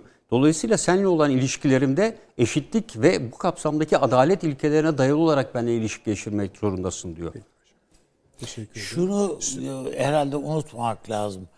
Az önce e, Süleyman Hoca'nın söylediği konuşmaya başlarken söylediği bir şey vardı. Yanlış e, şey yapmıyorum inşallah değerlendirmiyorum. E, Bu gerek e, Biden gerekse Dışişleri Bakanı'nın sözlerini bir lafzi olarak bir değerlendirmek var. Ne demek istiyor? Demokrasi getireceğiz efendim, koruyacağız falan diyor işte. Ne diyor? Kötü mü yani? Karşı mısın yani? Hayır. Yani. Ama bir de bunun bir iç anlamı var. Yani adama bir dekodur lazım. Demek istedi ki Aslında bütün siyasiler böyle konuşuyor. e tamam bütün siyasi Doğru. ama şimdi bu bir süper güç olunca şimdi Trump'ı anlıyorduk. Bu, bu öyle anlaşılsın diye konuşulmamış zaten. Yani aksine ben her şekilde ben onu deme ben zaten şunu dediydim diyecek adam. Ha diyeceğiz o zaman. Ben esasında bazı satırlarına baktığımda yani başkan için söylüyorum. Gayet güzel durumu anlatıyor. Daha başlıkta durum belli zaten. Amerika'nın avantajlarını yenilemek. Bu, bir dahil. Ama şöyle biz şunu anlam, bizi ilgilendiren kısmı. Süleyman Hocam, bu iki belgenin cem edildiğinde, cem edildiğinde Türkiye'ye çıkan ne? Neye dikkat etmelidir? Veya bir avantaj üretir mi bu metinler? Avantajı unutalım. Yani ben Hiç yok kendi- diyorsunuz. Hayır efendim öyle bir şey yok. Yani şöyle söyleyeyim o zaman belki daha iyi anlaşılır. Yani ben mesela düşmanımı tanımlayıp, tarif edip ha- hatta ona neler yapacağımı e, böyle tehdit ederek, e, ilan ederek konuşuyorsam bundan doğabilecek izlenim ben böyle bir manzarayı görürsem eğer mesela ya bu bir şey yapmayacak. Bu bağırdığıyla kalacak derim.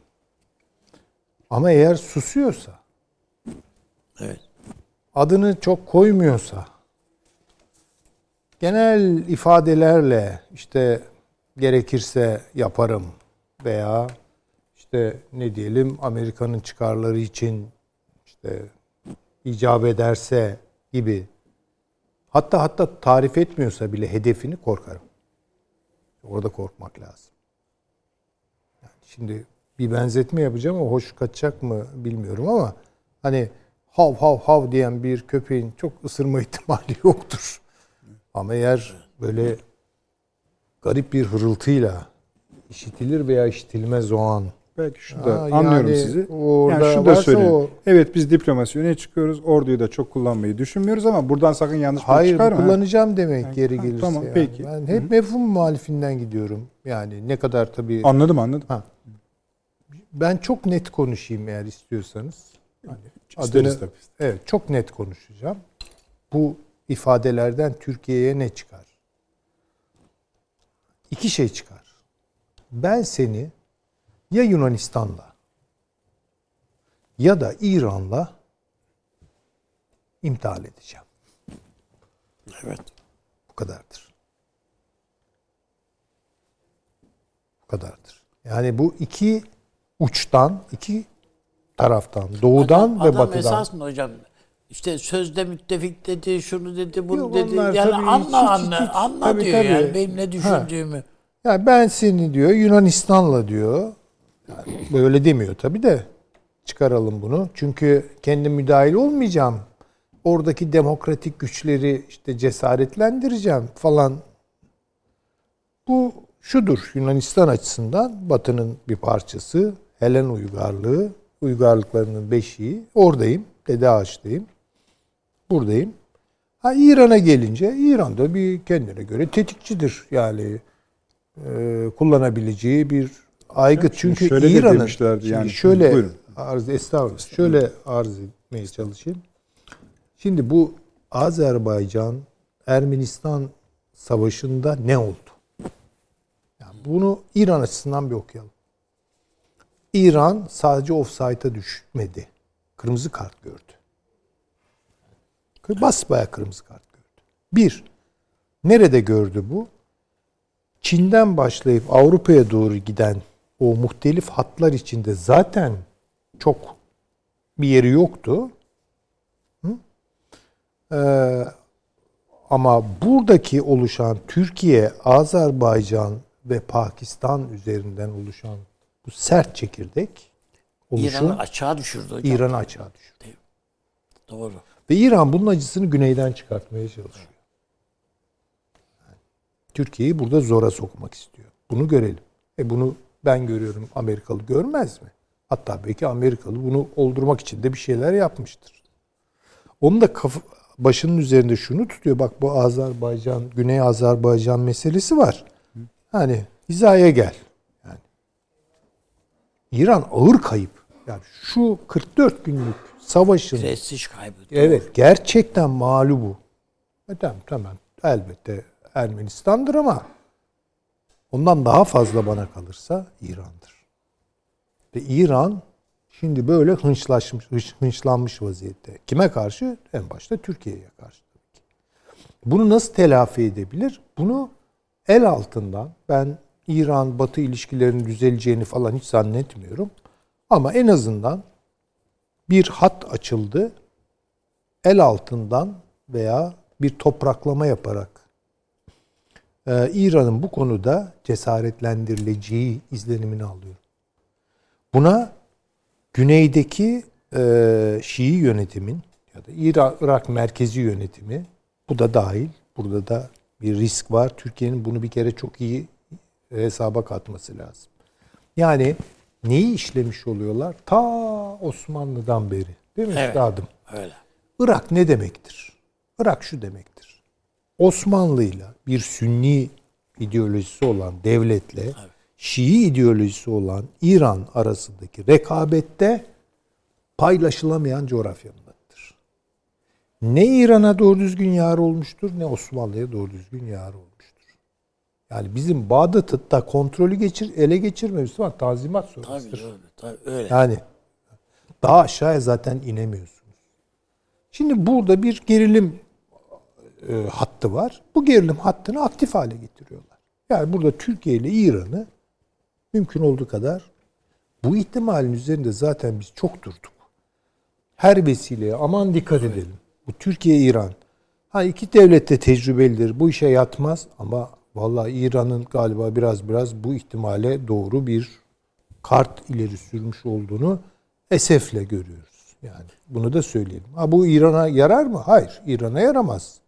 Çünkü İran şunu bilmek zorunda ki yani eğer burada Amerika'nın Türkiye'yi dizginleme veya Türkiye'yi zora sokma adına kendisine rol vermesi, yarın bu senaryo bozulunca kendisine nasıl dönecek?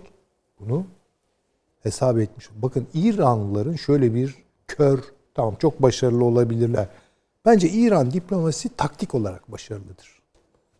İran diplomasinin stratejik hiçbir şeyi yoktur. Arka planı yoktur. Ben bunu söyleyeyim.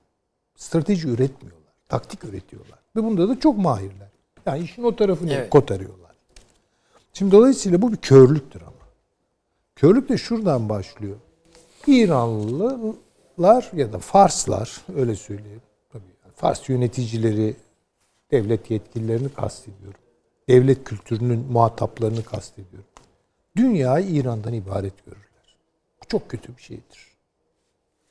Bakın Türkler daima bir adım atarken şunu düşünür. Ya başkaları ne der? Ayıp mı olur? Yabancılar, Avrupalılar. O da çok iyi bir huy değil ama. Hay iyi bir huy değil ama Tabii, durumu bir hesap açıyor. İran'da böyle bir şey yoktur. Yani dünya ne diyor? Ayıplıyor mu beni?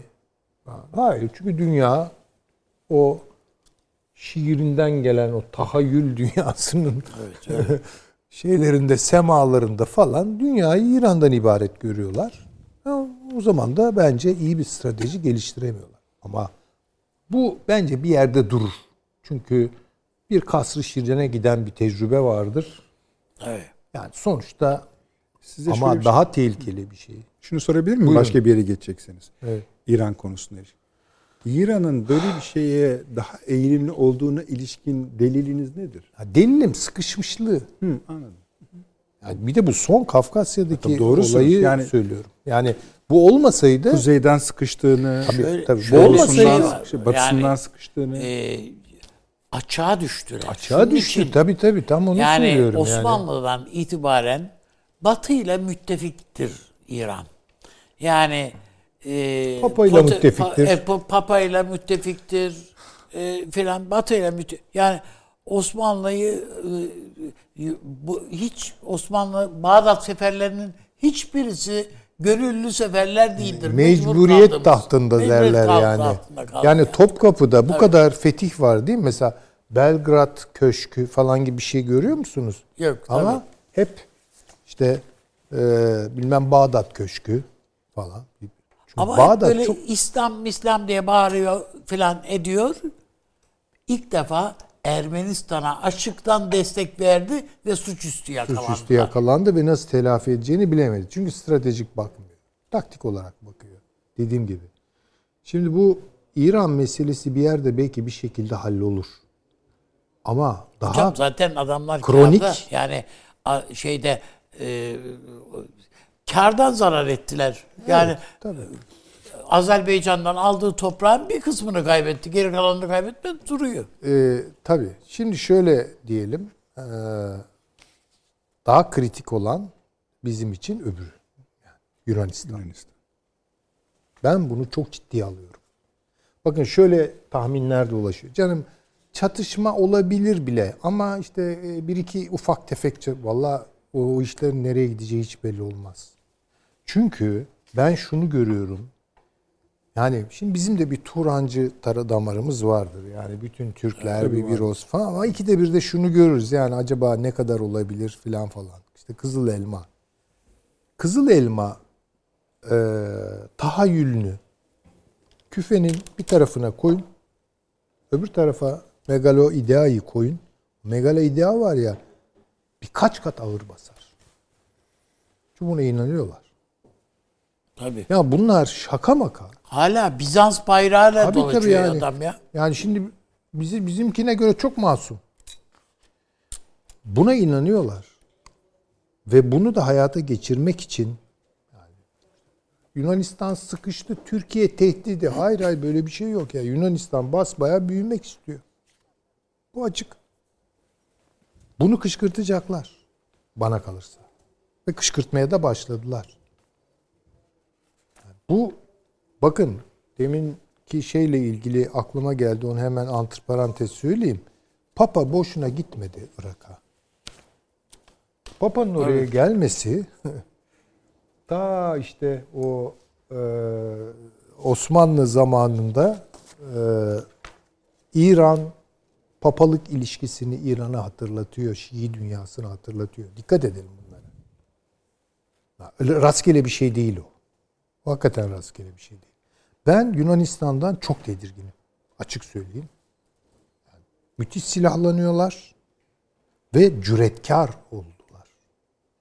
Cüretkar oldular. Yani bütün o Ege'deki neydi belirsiz gibi gözüken işte kime ait ona mı buna falan hepsine yerleştiler ya.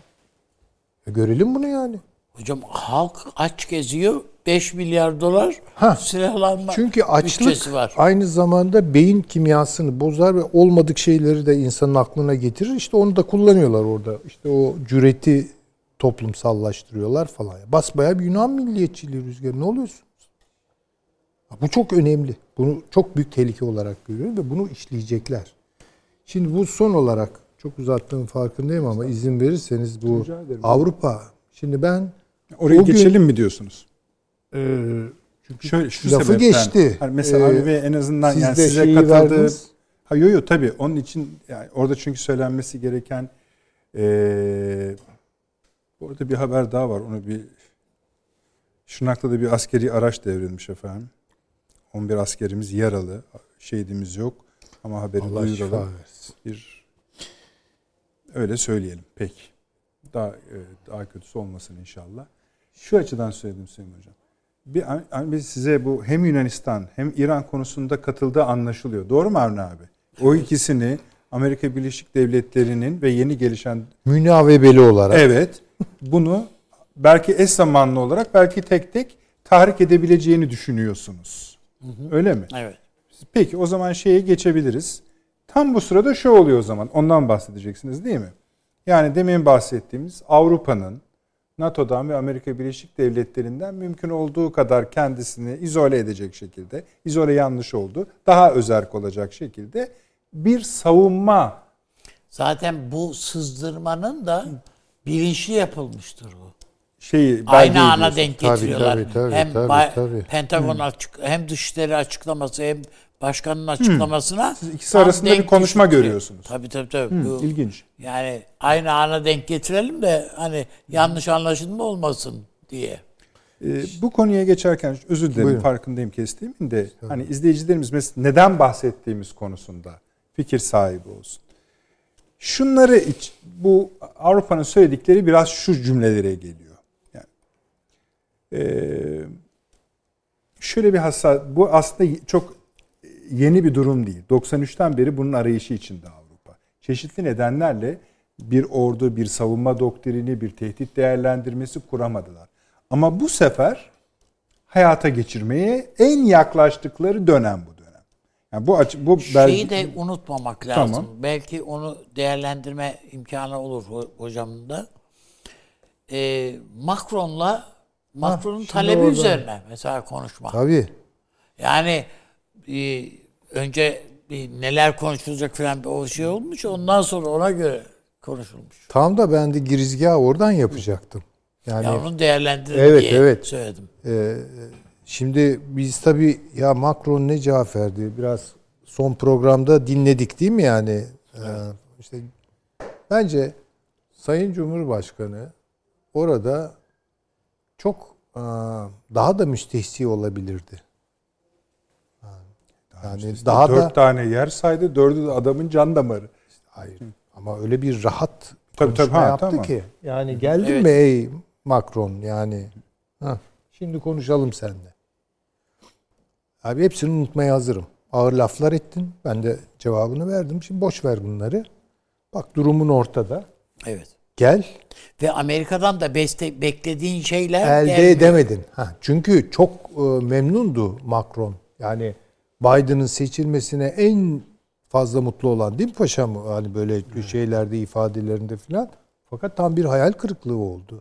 Çünkü Afrika'da onunla birlikte hareket etmiyor.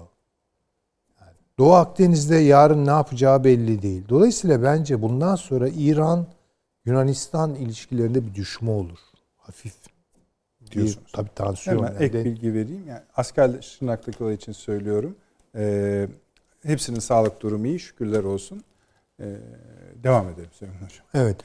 Ee, şimdi dolayısıyla bu PESCO falan hikayeleri yeniden gündeme gelecek. Tabii orada Almanya, İngiltere, Fransa dengelerine iyi bakmak lazım. Çünkü Almanya'nın bir ordu oluşturma şeyi yok. Ee, kapasitesi sınırlı, teknolojisi var vesaire ama şimdi bu işi Fransa yürütecek demektir. Satır okutmayacaksınız bana Süleyman Hocam. Bir Buyurun. cümle söyleyeyim ben izleyicilerimiz için. Yani çünkü tam anlaşılmıyor esasında biz şey yaparken. Diyor ki Avrupa Birliği ee, bir belge oluşturuyorlar. İlk defa. Hepsi bir araya geliyor. ABD'den özerk en artık sade halini söylüyorum. Bir güvenlik ve savunma stratejisi oluşturuyoruz. Dedikleri bu. Bunun ismini de koyuyorlar. Ee, bu birçok alanda problem yaratacak. ABD ile ilişkiler, NATO ile ilişkiler, Transatlantik İttifak. Hani adam döndü ya, döndü ki orası döndüğü yer boş duruyor Bizim gibi bir hal olabilir. orada e, Ama bu- biz biz yani bizim açımızdan anladım. da önemli. Bizim Tabii açımızdan ç- önemli. O ordu bir Avrupa ordusu. Türkiye'siz durulmaz. Türkiye'siz olmaz. mümkün. Ben söyleyeyim. Tehdit değerlendirmesi yapacaklar aman diyeyim. Yani bir cümle geçer orada işin rengi bir anda değişir. Nasıl yani? Anlayamadım. Belli mi olur? Çünkü kimi analizler Türkiye'ye de yazabilir diyorlar tehdit değerlendirmesini. Tabii onu diyorum Ay canım yani. ya, Her şey ister öyle yazsın ister böyle yazsın Yazmasın. canım. Yani Peki. Yani me- mesele bu ve şimdi yedi. Avni Bey'in dediğine göre de hem ABD Başkanı hem Dışişleri Bakanı açıklamasında da bir zamanlama konuşma var. Buyurun şimdi. ya şimdi estağfurullah. Şimdi e, ben Fransa'daki seçimler daha önce Almanya'daki seçimlerin çok kritik olduğunu düşünüyorum. E, son bizim programdan e, itibaren de bu Almanya'da Hristiyan Demokrat partilerin içinde neler oluyor, neler bitiyor biraz daha ayrıntılı bakmak istedim. Eğer Merkel sonrası e, Amerikan e, şey diyelim ki siyasetlerini takip etmeye amade e, biri seçilirse Almanya'ya bu bütün bunlar suya düşer. Gene o gerilimler devam eder ama Alma şeyin Avrupa'nın pek e, atabileceği adım kalmaz. Siz salı günü biraz yüzünüzü ekşitmiştiniz o konuda. E, evet ama, Ama sanırım daha çok ikna olmuşsunuz Ta- gibi o liderin. e, ya bilemiyorum. Daha çok kaygı. Esasında bu konuşmaları biz mesela Orada biraz Dışişleri Almanya Bakanı ile Biden'ın konuşmasını biz Türkiye perspektifinden değerlendiriyoruz. Bir de Almanya pers- açısından tabii. değerlendirsek Tabii. çok daha farklı şeyler farklı şeyler ortaya Doğru. çıkar. Onu da aslında birçok ülke için yapabiliriz. Mesela Ruslar ne dedi acaba bu işe? Gibilerden. Tabii. Çin vesaire. Ee, şimdi dolayısıyla Avrupa-Türkiye ilişkileri başka bir yere evriliyor. Bunlar tesadüf değil. Yani Merkel'le Eylül ayından beri değil mi? Erdoğan sürekli görüşüyor. Dışişleri Bakanları Evet, gidiyor geliyor. Fransa tamam bunun dışında kaldı falan diyorduk. Ama bakın Fransa ile de başladı bu işler. Yani şimdi çok değişik e, kombinezonlar çıkabilir. Ve Amerika bunları yönetemez. Buralarda yönetemez. Avrupa mı yönetir? Avrupa yönetemez ama Avrupa tek başına İşte belki bunlar daha tehlikeli Ama- Süleyman Hocam. Yani, gittikçe Yani şöyle diyor? peki o zaman Avrupa Birliği ile Amerika Birleşik Devletleri tam da Biden ekibinin istediği gibi uzlaştılar, ortak bir siyaset geliştirdiler ve üstümüze geliyorlar. Buyurun. Daha da kötü. E, e, işte yani, o Yani- kırılmış Yani- oluyor. Söylenecek bir şey yok. O tümü Ama onlar açısından da riskleri büyük. Bir anda çünkü Türkiye arkasına Avrupa- yaslayacak yeri değiştiriverir. E, tabii ki olacak işte. Diyorum ya kombinezonlar İşte doğacak. o zaman da yani. Türkiye'nin izleyicilerimiz arkasını Azerbaycan, Ermenistan. da Şimdi bakın Gerek- Türkiye bu net olarak söyleyeyim de bitireyim. Çok uzattığımı farkındayım. İran'dan bir baskı bekliyorum. Yunanistan'dan daha tehlikeli bir baskı bekliyorum. Bunlar dezavantajlar. Ama devam edelim. Azerbaycan Nahçıvan üzerinden açılacak olan o hat Hazar çok istiyorum ki Hazar'da Türk gemileri de dolaşsın. Ya niye olmasın Evet. canım ya? Tabii Yani Türk Türk, Türk denizi Ortak oluyor. tatbikat. E, elbette tabii. Eğer bu içeriye doğru giderse Özbekistan harit e, şeyini değiştiriyor. Alfabesini değiştiriyor. Tabii tabii. Kazakistan değiştirdi. Yani çok ilginç şeyler. Birden Türkiye yani bakın Gürcistan Dışişleri Bakanı buradaydı tabii biliyorsunuz. ve Türkiye birden İran'ı ne kadar demarke ediyor. Görüyor musunuz? Ta şeye kadar. Çin'e kadar Evet, gidiyorsunuz. Orada bu Türkistan yolu Pakistan Türkiye enerjisiyle birlikte değil mi? Açılıyorsa bu Rusya'yı da rahatlatır. Ama Rusya'yı ne kadar yani bu işin içinde her zaman yanımızda görürüz Çok onu ben bilemiyorum. Yani bu Rusya, Bu bir. Rusya bu işin içinde de değil de Rusya dışlanmak istemiyor. İstemiyor Esas ama- ha. rahatsızlığı duş, Tamam. Rusya'nın bu. Ya o artık Dışlanma- Türkiye Cumhuriyeti ile e, Rus e, Paşam diplomasisinin ordu mordu kuramaz bunlar diyecek. O kadar konuşmayı Öyle. gelecek bilmiyorum. Yani kesin eldeki ben bütün verileri çıkarttım bu PESCO şey üzerine. Asla ve asla ordu kuramaz. Peki bakalım göreceğiz. Paş, Evet, evet. pa- paşamla, güçlü var. Belçika- siz kurtulmaya Belçika- çalışmayın yani. Hayır, E, anda Hollanda asla böyle Paşa- bir güce katılım Geliyorum sağlamayacağını paşam. deklar Tamam, etti. Yani E, üç ülke kesinlikle PESCO katılmayacağını. dedikleri. Ben PESCO Bizim dediler, imzaladığımız- Fransız ordusu Bizim esasında. bu. imzaladığımız diyor savunma politikasıdır Başka diyor. yok. Aynen Macaristan ve diğeri. Biz diyor PESCO kurulmasını onaylamıyoruz diyor. E, dolayısıyla kurulan Fransa'nın isteğiyle bu e, adım ilk atıldığı zaman İngiltere'nin mevcudiyeti halinde bir anlam ifade ederdi. İngiltere yok. Almanya'nın ordusu yok. Bugün bir bütçe çıkartmışlar. Yeni baştan bir Almanya kurulması gerekiyor. Alman silahlı kuvvetlerinin 2. Dünya Savaşı'ndaki gücüne gelmesi için. Peki buna müsaade edecekler Sizin mi? Fransa ile ilgili ediyorlar gönderdiğiniz bence. bir Fransız ekonomik ordusu Almanya'yı var. ayrı konuşuruz ama bilgi notu var. Evet. Bu e, muhtemelen size de gelmiştir değil mi Nedret Bey? Bu Fransa ile ilgili bir ekonomik bilgi notu. evet evet. E, eğer onu birazcık onu birazcık okuyabilirseniz Yanında değil ama bu- bu- şöyle bu e, yani bu hakikaten Fransa açısından bir facia tablosu var ortada. Yani ben de hocamın gönderdiği e, kısmı ile var e, baktığım kadarıyla.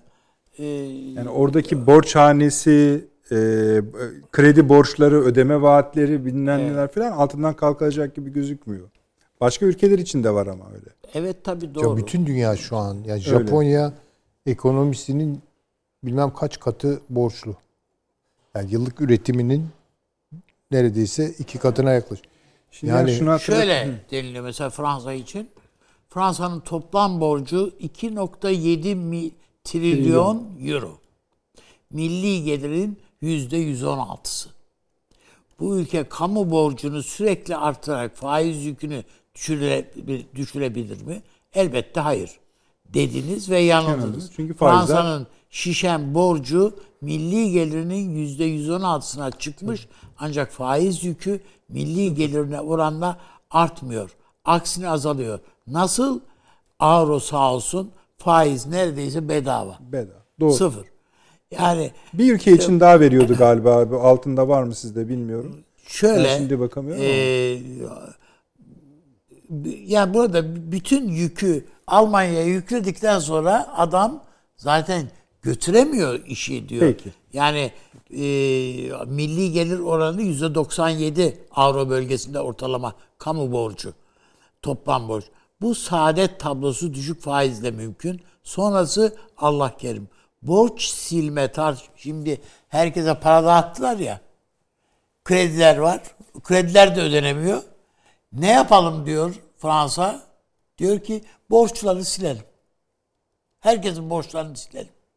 Şimdi kardeşim böyle bir devlet idare edilir mi ya? Bizde sen maazallah borçları sileyim filan böyle bir planımız var desen ayaklanır ya.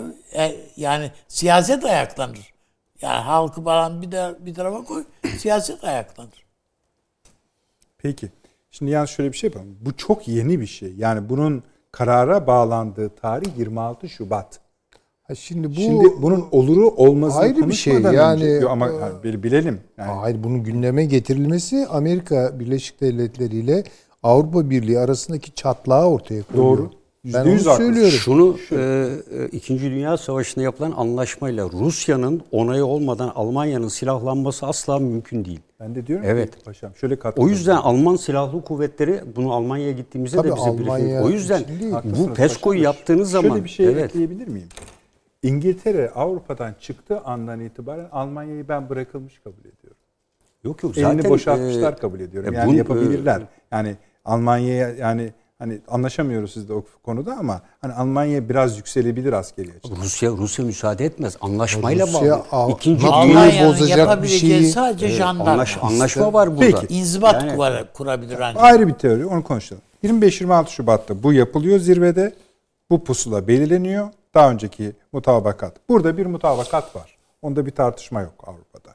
Bazı ülkeler ABD ile ilişkileri nedeniyle ya da tehdit algıları nedeniyle biraz yüzlerini ekşitebilirler. Ama genel olarak AB'nin dışişleri öyle söyleyelim. Yani Josep Borrell'in ifadeleri tam olarak bunun yani illa hemen orduydu, silahtı buna gerek olmadığını Bak Almanya Almanya'nın is- beklentisi bu işi sadece Fransa'ya bırakılamaz. Hah, tabii. bizim istiyor. adımıza bizim adımıza Türkiye girer bu devreye. İşte orada Almanya- neler olur o Hayır, hesaplaşmalarda. yani dediği Almanya'nın e, Ankara'ya getirdiği bu.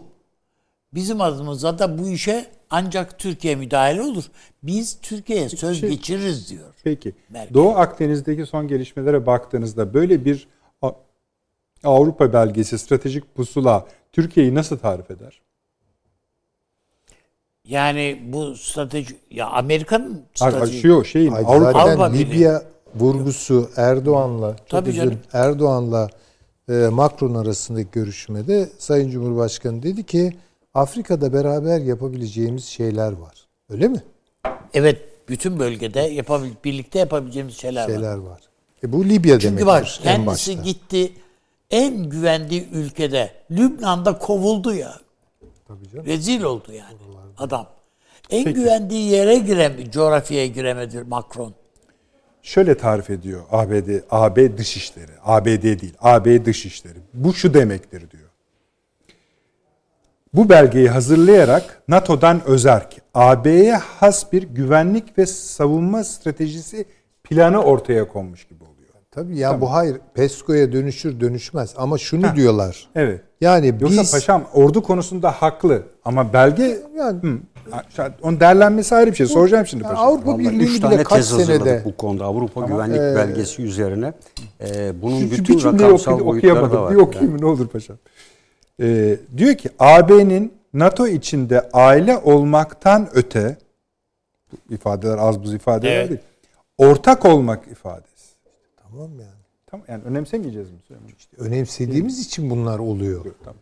Ve bunlar olduğu için Ama Türkiye o, ortak, önemseniyor. o, o ortaklığa Türkiye'nin de onay vermesi lazım. NATO üyeliği Hangi sıfatla? ona NATO NATO'nun e, NATO üyesi olmak sıfatıyla. Hayır, hayır. Ama Avrupa şu şeyi bu. NATO'daki AB'yi kuvvetini bak, mi istiyor? AB'yi bir müstakil aktör olarak eğer NATO'ya üye yapmak istiyorsan bir yeni NATO üyesi. Ama şöyle bütün ülkelerin bütün silahlı kuvvetlerin güçte NATO'ya tahsili değil. Burada da Türkiye'de Süleyman Hocam NATO'nun Evet. rehabilite edilme sürecindeki Evet. şeyler geliyor. Ne demişlerdi? Her şeye itiraz edemeyecek NATO üyeleri Tabii, demişler. tabii canım işte. Yani o zaman harita oturuyor. Yani Avrupa Birliği bu baskıyı nasıl atlatacağının derdinde. Almanya kendi hesapları açısından, Fransa kendi hesapları açısından. Ve bu Türkiye'yi Avrupa güçlü kılıyor nezdinde güçlü kılıyor. Dolayısıyla bakın İran'dan gelen ve Yunanistan'dan gelen yakın tehdit baskılamalarını bir Hazar üzerinden aşıyor, aşma fırsatı elde ediyoruz. İki, Avrupa ile Türkiye ilişkileri bundan sonra dönüşür. Peki. Büyük bir ihtimalle. Paşam buyurunuz şimdi. Yani ne Ee, ben şöyle sorayım hani şeytan evet. avukat yapayım. Niye ordu kuramasınlar? Ben yani şeyleri Ee, hangisini bir Almanya 2. Dünya Savaşı'nda e, bu ülkeyle yapılmış olan 2. Dünya Savaşı'nı bitiren anlaşmayla Rusya'nın da burada kontrolü var ve dolayısıyla Almanya'nın silahlı kuvvet oluşturmasına Rusya asla onay vermez. Zaten şu zamanda Almanya ile Rusya arasında 2016'dan beri esasında iyi gibi işlediği görülen ilişkilerin giderek gerginleştiğini görüyoruz. Buna asla böyle bir şeye müsaade etmez. Peki. İkincisi NATO'ya tasdik kuvvetler orduların güçlerinin hepsi değil. Üçte biridir en fazla. Örneğin Türkiye'de sadece e, İstanbul'daki kolorduyla müşterek bir kısım birliklerdir. Geri kalan yüzde sekseni milli kuvvetlerdir. Diğer ülkelerin de aynı şekilde. İlle PESCO'da NATO'ya tasdik gücü kullanacağım diye bir kayıt yok. Kendi işlerinde kalan, ellerinde kalan bunun için Hollanda mesela Almanya ortak birlik kurmuşlardır. Hollanda Almanya sınırında. Fransa ile Almanya e, ortak birlik kurmuşlardır. Bu yapıyı bunların altyapıları var zaten. Bu maksatla kurdukları. Onun dışında bu konu yeni değil. Oturup stratejik plan hazırladılar zaten.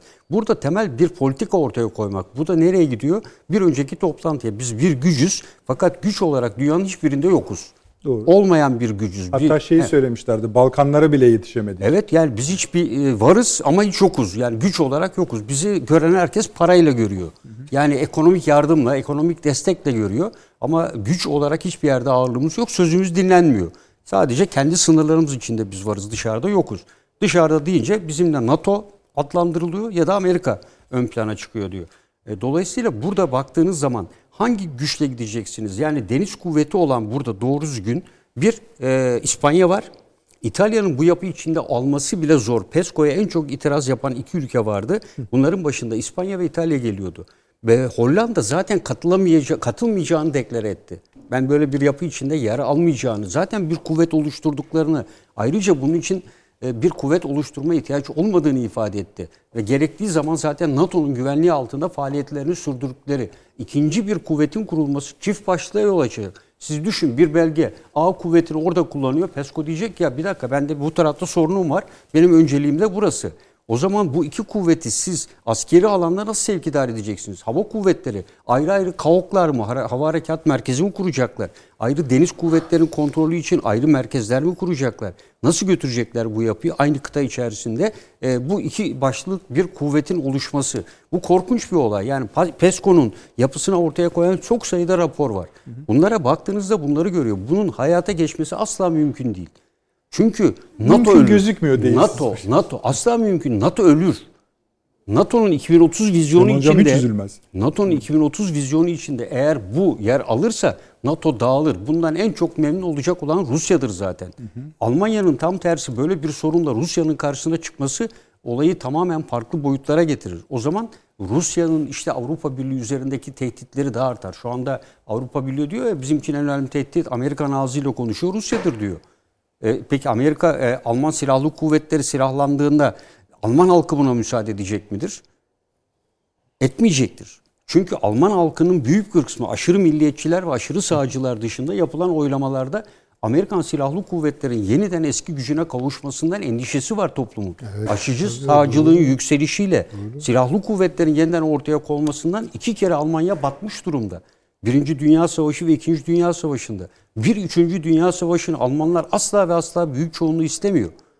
Ee, o yüzden de buna baktığınızda bu sadece bir Alman hükümetinin vereceği tek başlı bir karar değil. Yani bunu hem Almanya'nın içinden hem de dışından da ciddi tepkiler gelecektir. İşte Rusya örneğinde olduğu gibi. E, arkasından Polonya devreye girecektir. Yani e, Polonya ne çekmişse Almanya'dan çekmiştir.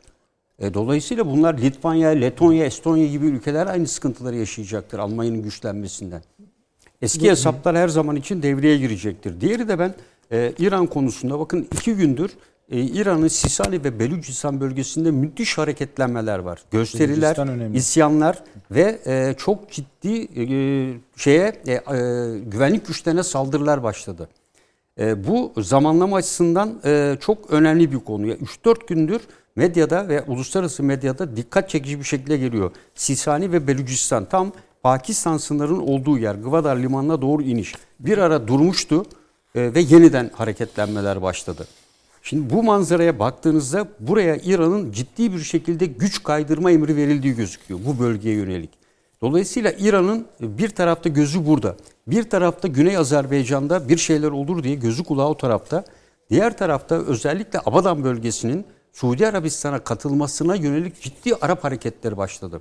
Ve bunlar da Suudi Arabistan'la birleşmek istiyorlar. Ee, ve İran'ın e, yine çıkan makalelerde İran'ın artık bölünme zamanının geldiğini söylüyorlar. Ve dolayısıyla bunlara baktığınızda esasında İran gücünü yaymaya zorlanıyor. Irak içerisinde hareketlenerek, Türkiye'ye karşı e, faaliyete geçirilerek gözü batıya doğru çevriliyor. Ama onu Suriye'de yerine getirmesi çok çok zor. Niye? İsrail faktörü var burada. Yani İsrail İranlı milislerin buradan yok olması için Rusya ile görüşme üstüne görüşme yapıyor Amerika'nın kontrolünde. Eğer bütün bunlara rağmen Suriye'de Türkiye'yi İdlib üzerinden zora sokacaksa Rusya'nın da Amerika'nın işine gelmez. Türkiye'ye buraya müdahale hakkı ortaya çıkar. Yani İran'la olan olası bir çatışmadan ziyade Türk Silahlı Kuvvetleri bu bölgeye olduğu gibi girer.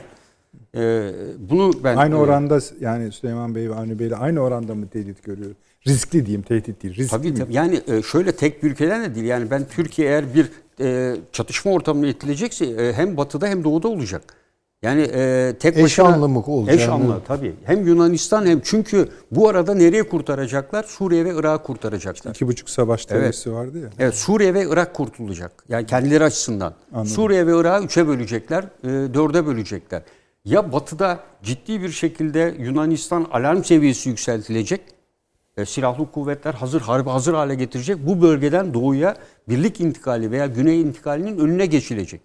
E, ve bir yanda bakıyorsunuz işte bizim Libya'da unsurumuz var, Somali'de var, orada var, iç güvenlik harekatı var, Suriye, Irak'ta bir sürü 25 tane üs var, Katar'da var. E, bütün bunlara bak, iç güvenlik harekatı devam ediyor. E, Türkiye'nin güçleri farklı yerlere bölünmüş durumda. Ama işte o zaman Pakistan da girecek devreye demektir. O zaman Azerbaycan da girecek. Yani, Yani, e, işte İ- çok büyür iş.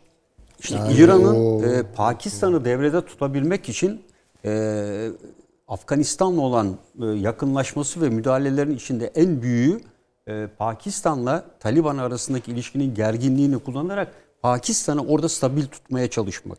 Ve dolayısıyla Belucistan bölgesinde artan gerginliğin sebebi de Pakistan sınır kuvvetlerinin bu bölgeye tahsis edilerek hem kuzeyde Afganistan, güneyde de Belucistan tarafından Pakistan silahlı kuvvetlerine sürekli e, dikkatlerini iki bölgeye vermek.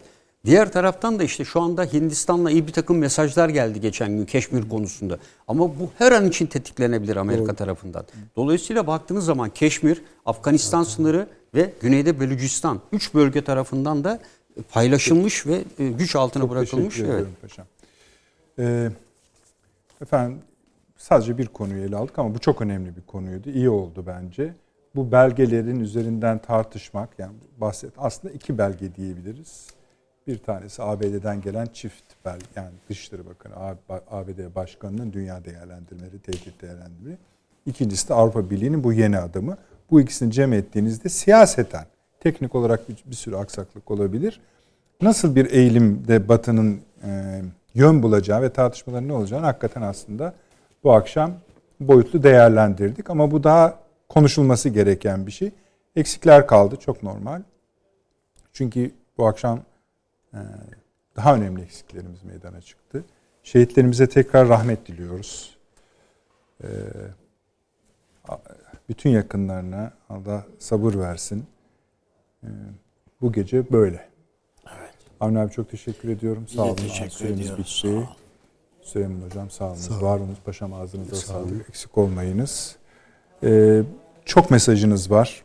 Ee, Hepsini tek tek okuyacağız efendim emin olabilirsiniz. Bütün kana, sosyal medya kanallarından gelen. Gece arkadaşlar belli mi saatimiz? Tekrar saatimiz 01.30 efendim. Uykusuz kalırsanız diye söylüyorum. Ee, haftaya salı bakalım nasıl bir dünya ve bölge olacak. İyi geceler diliyoruz.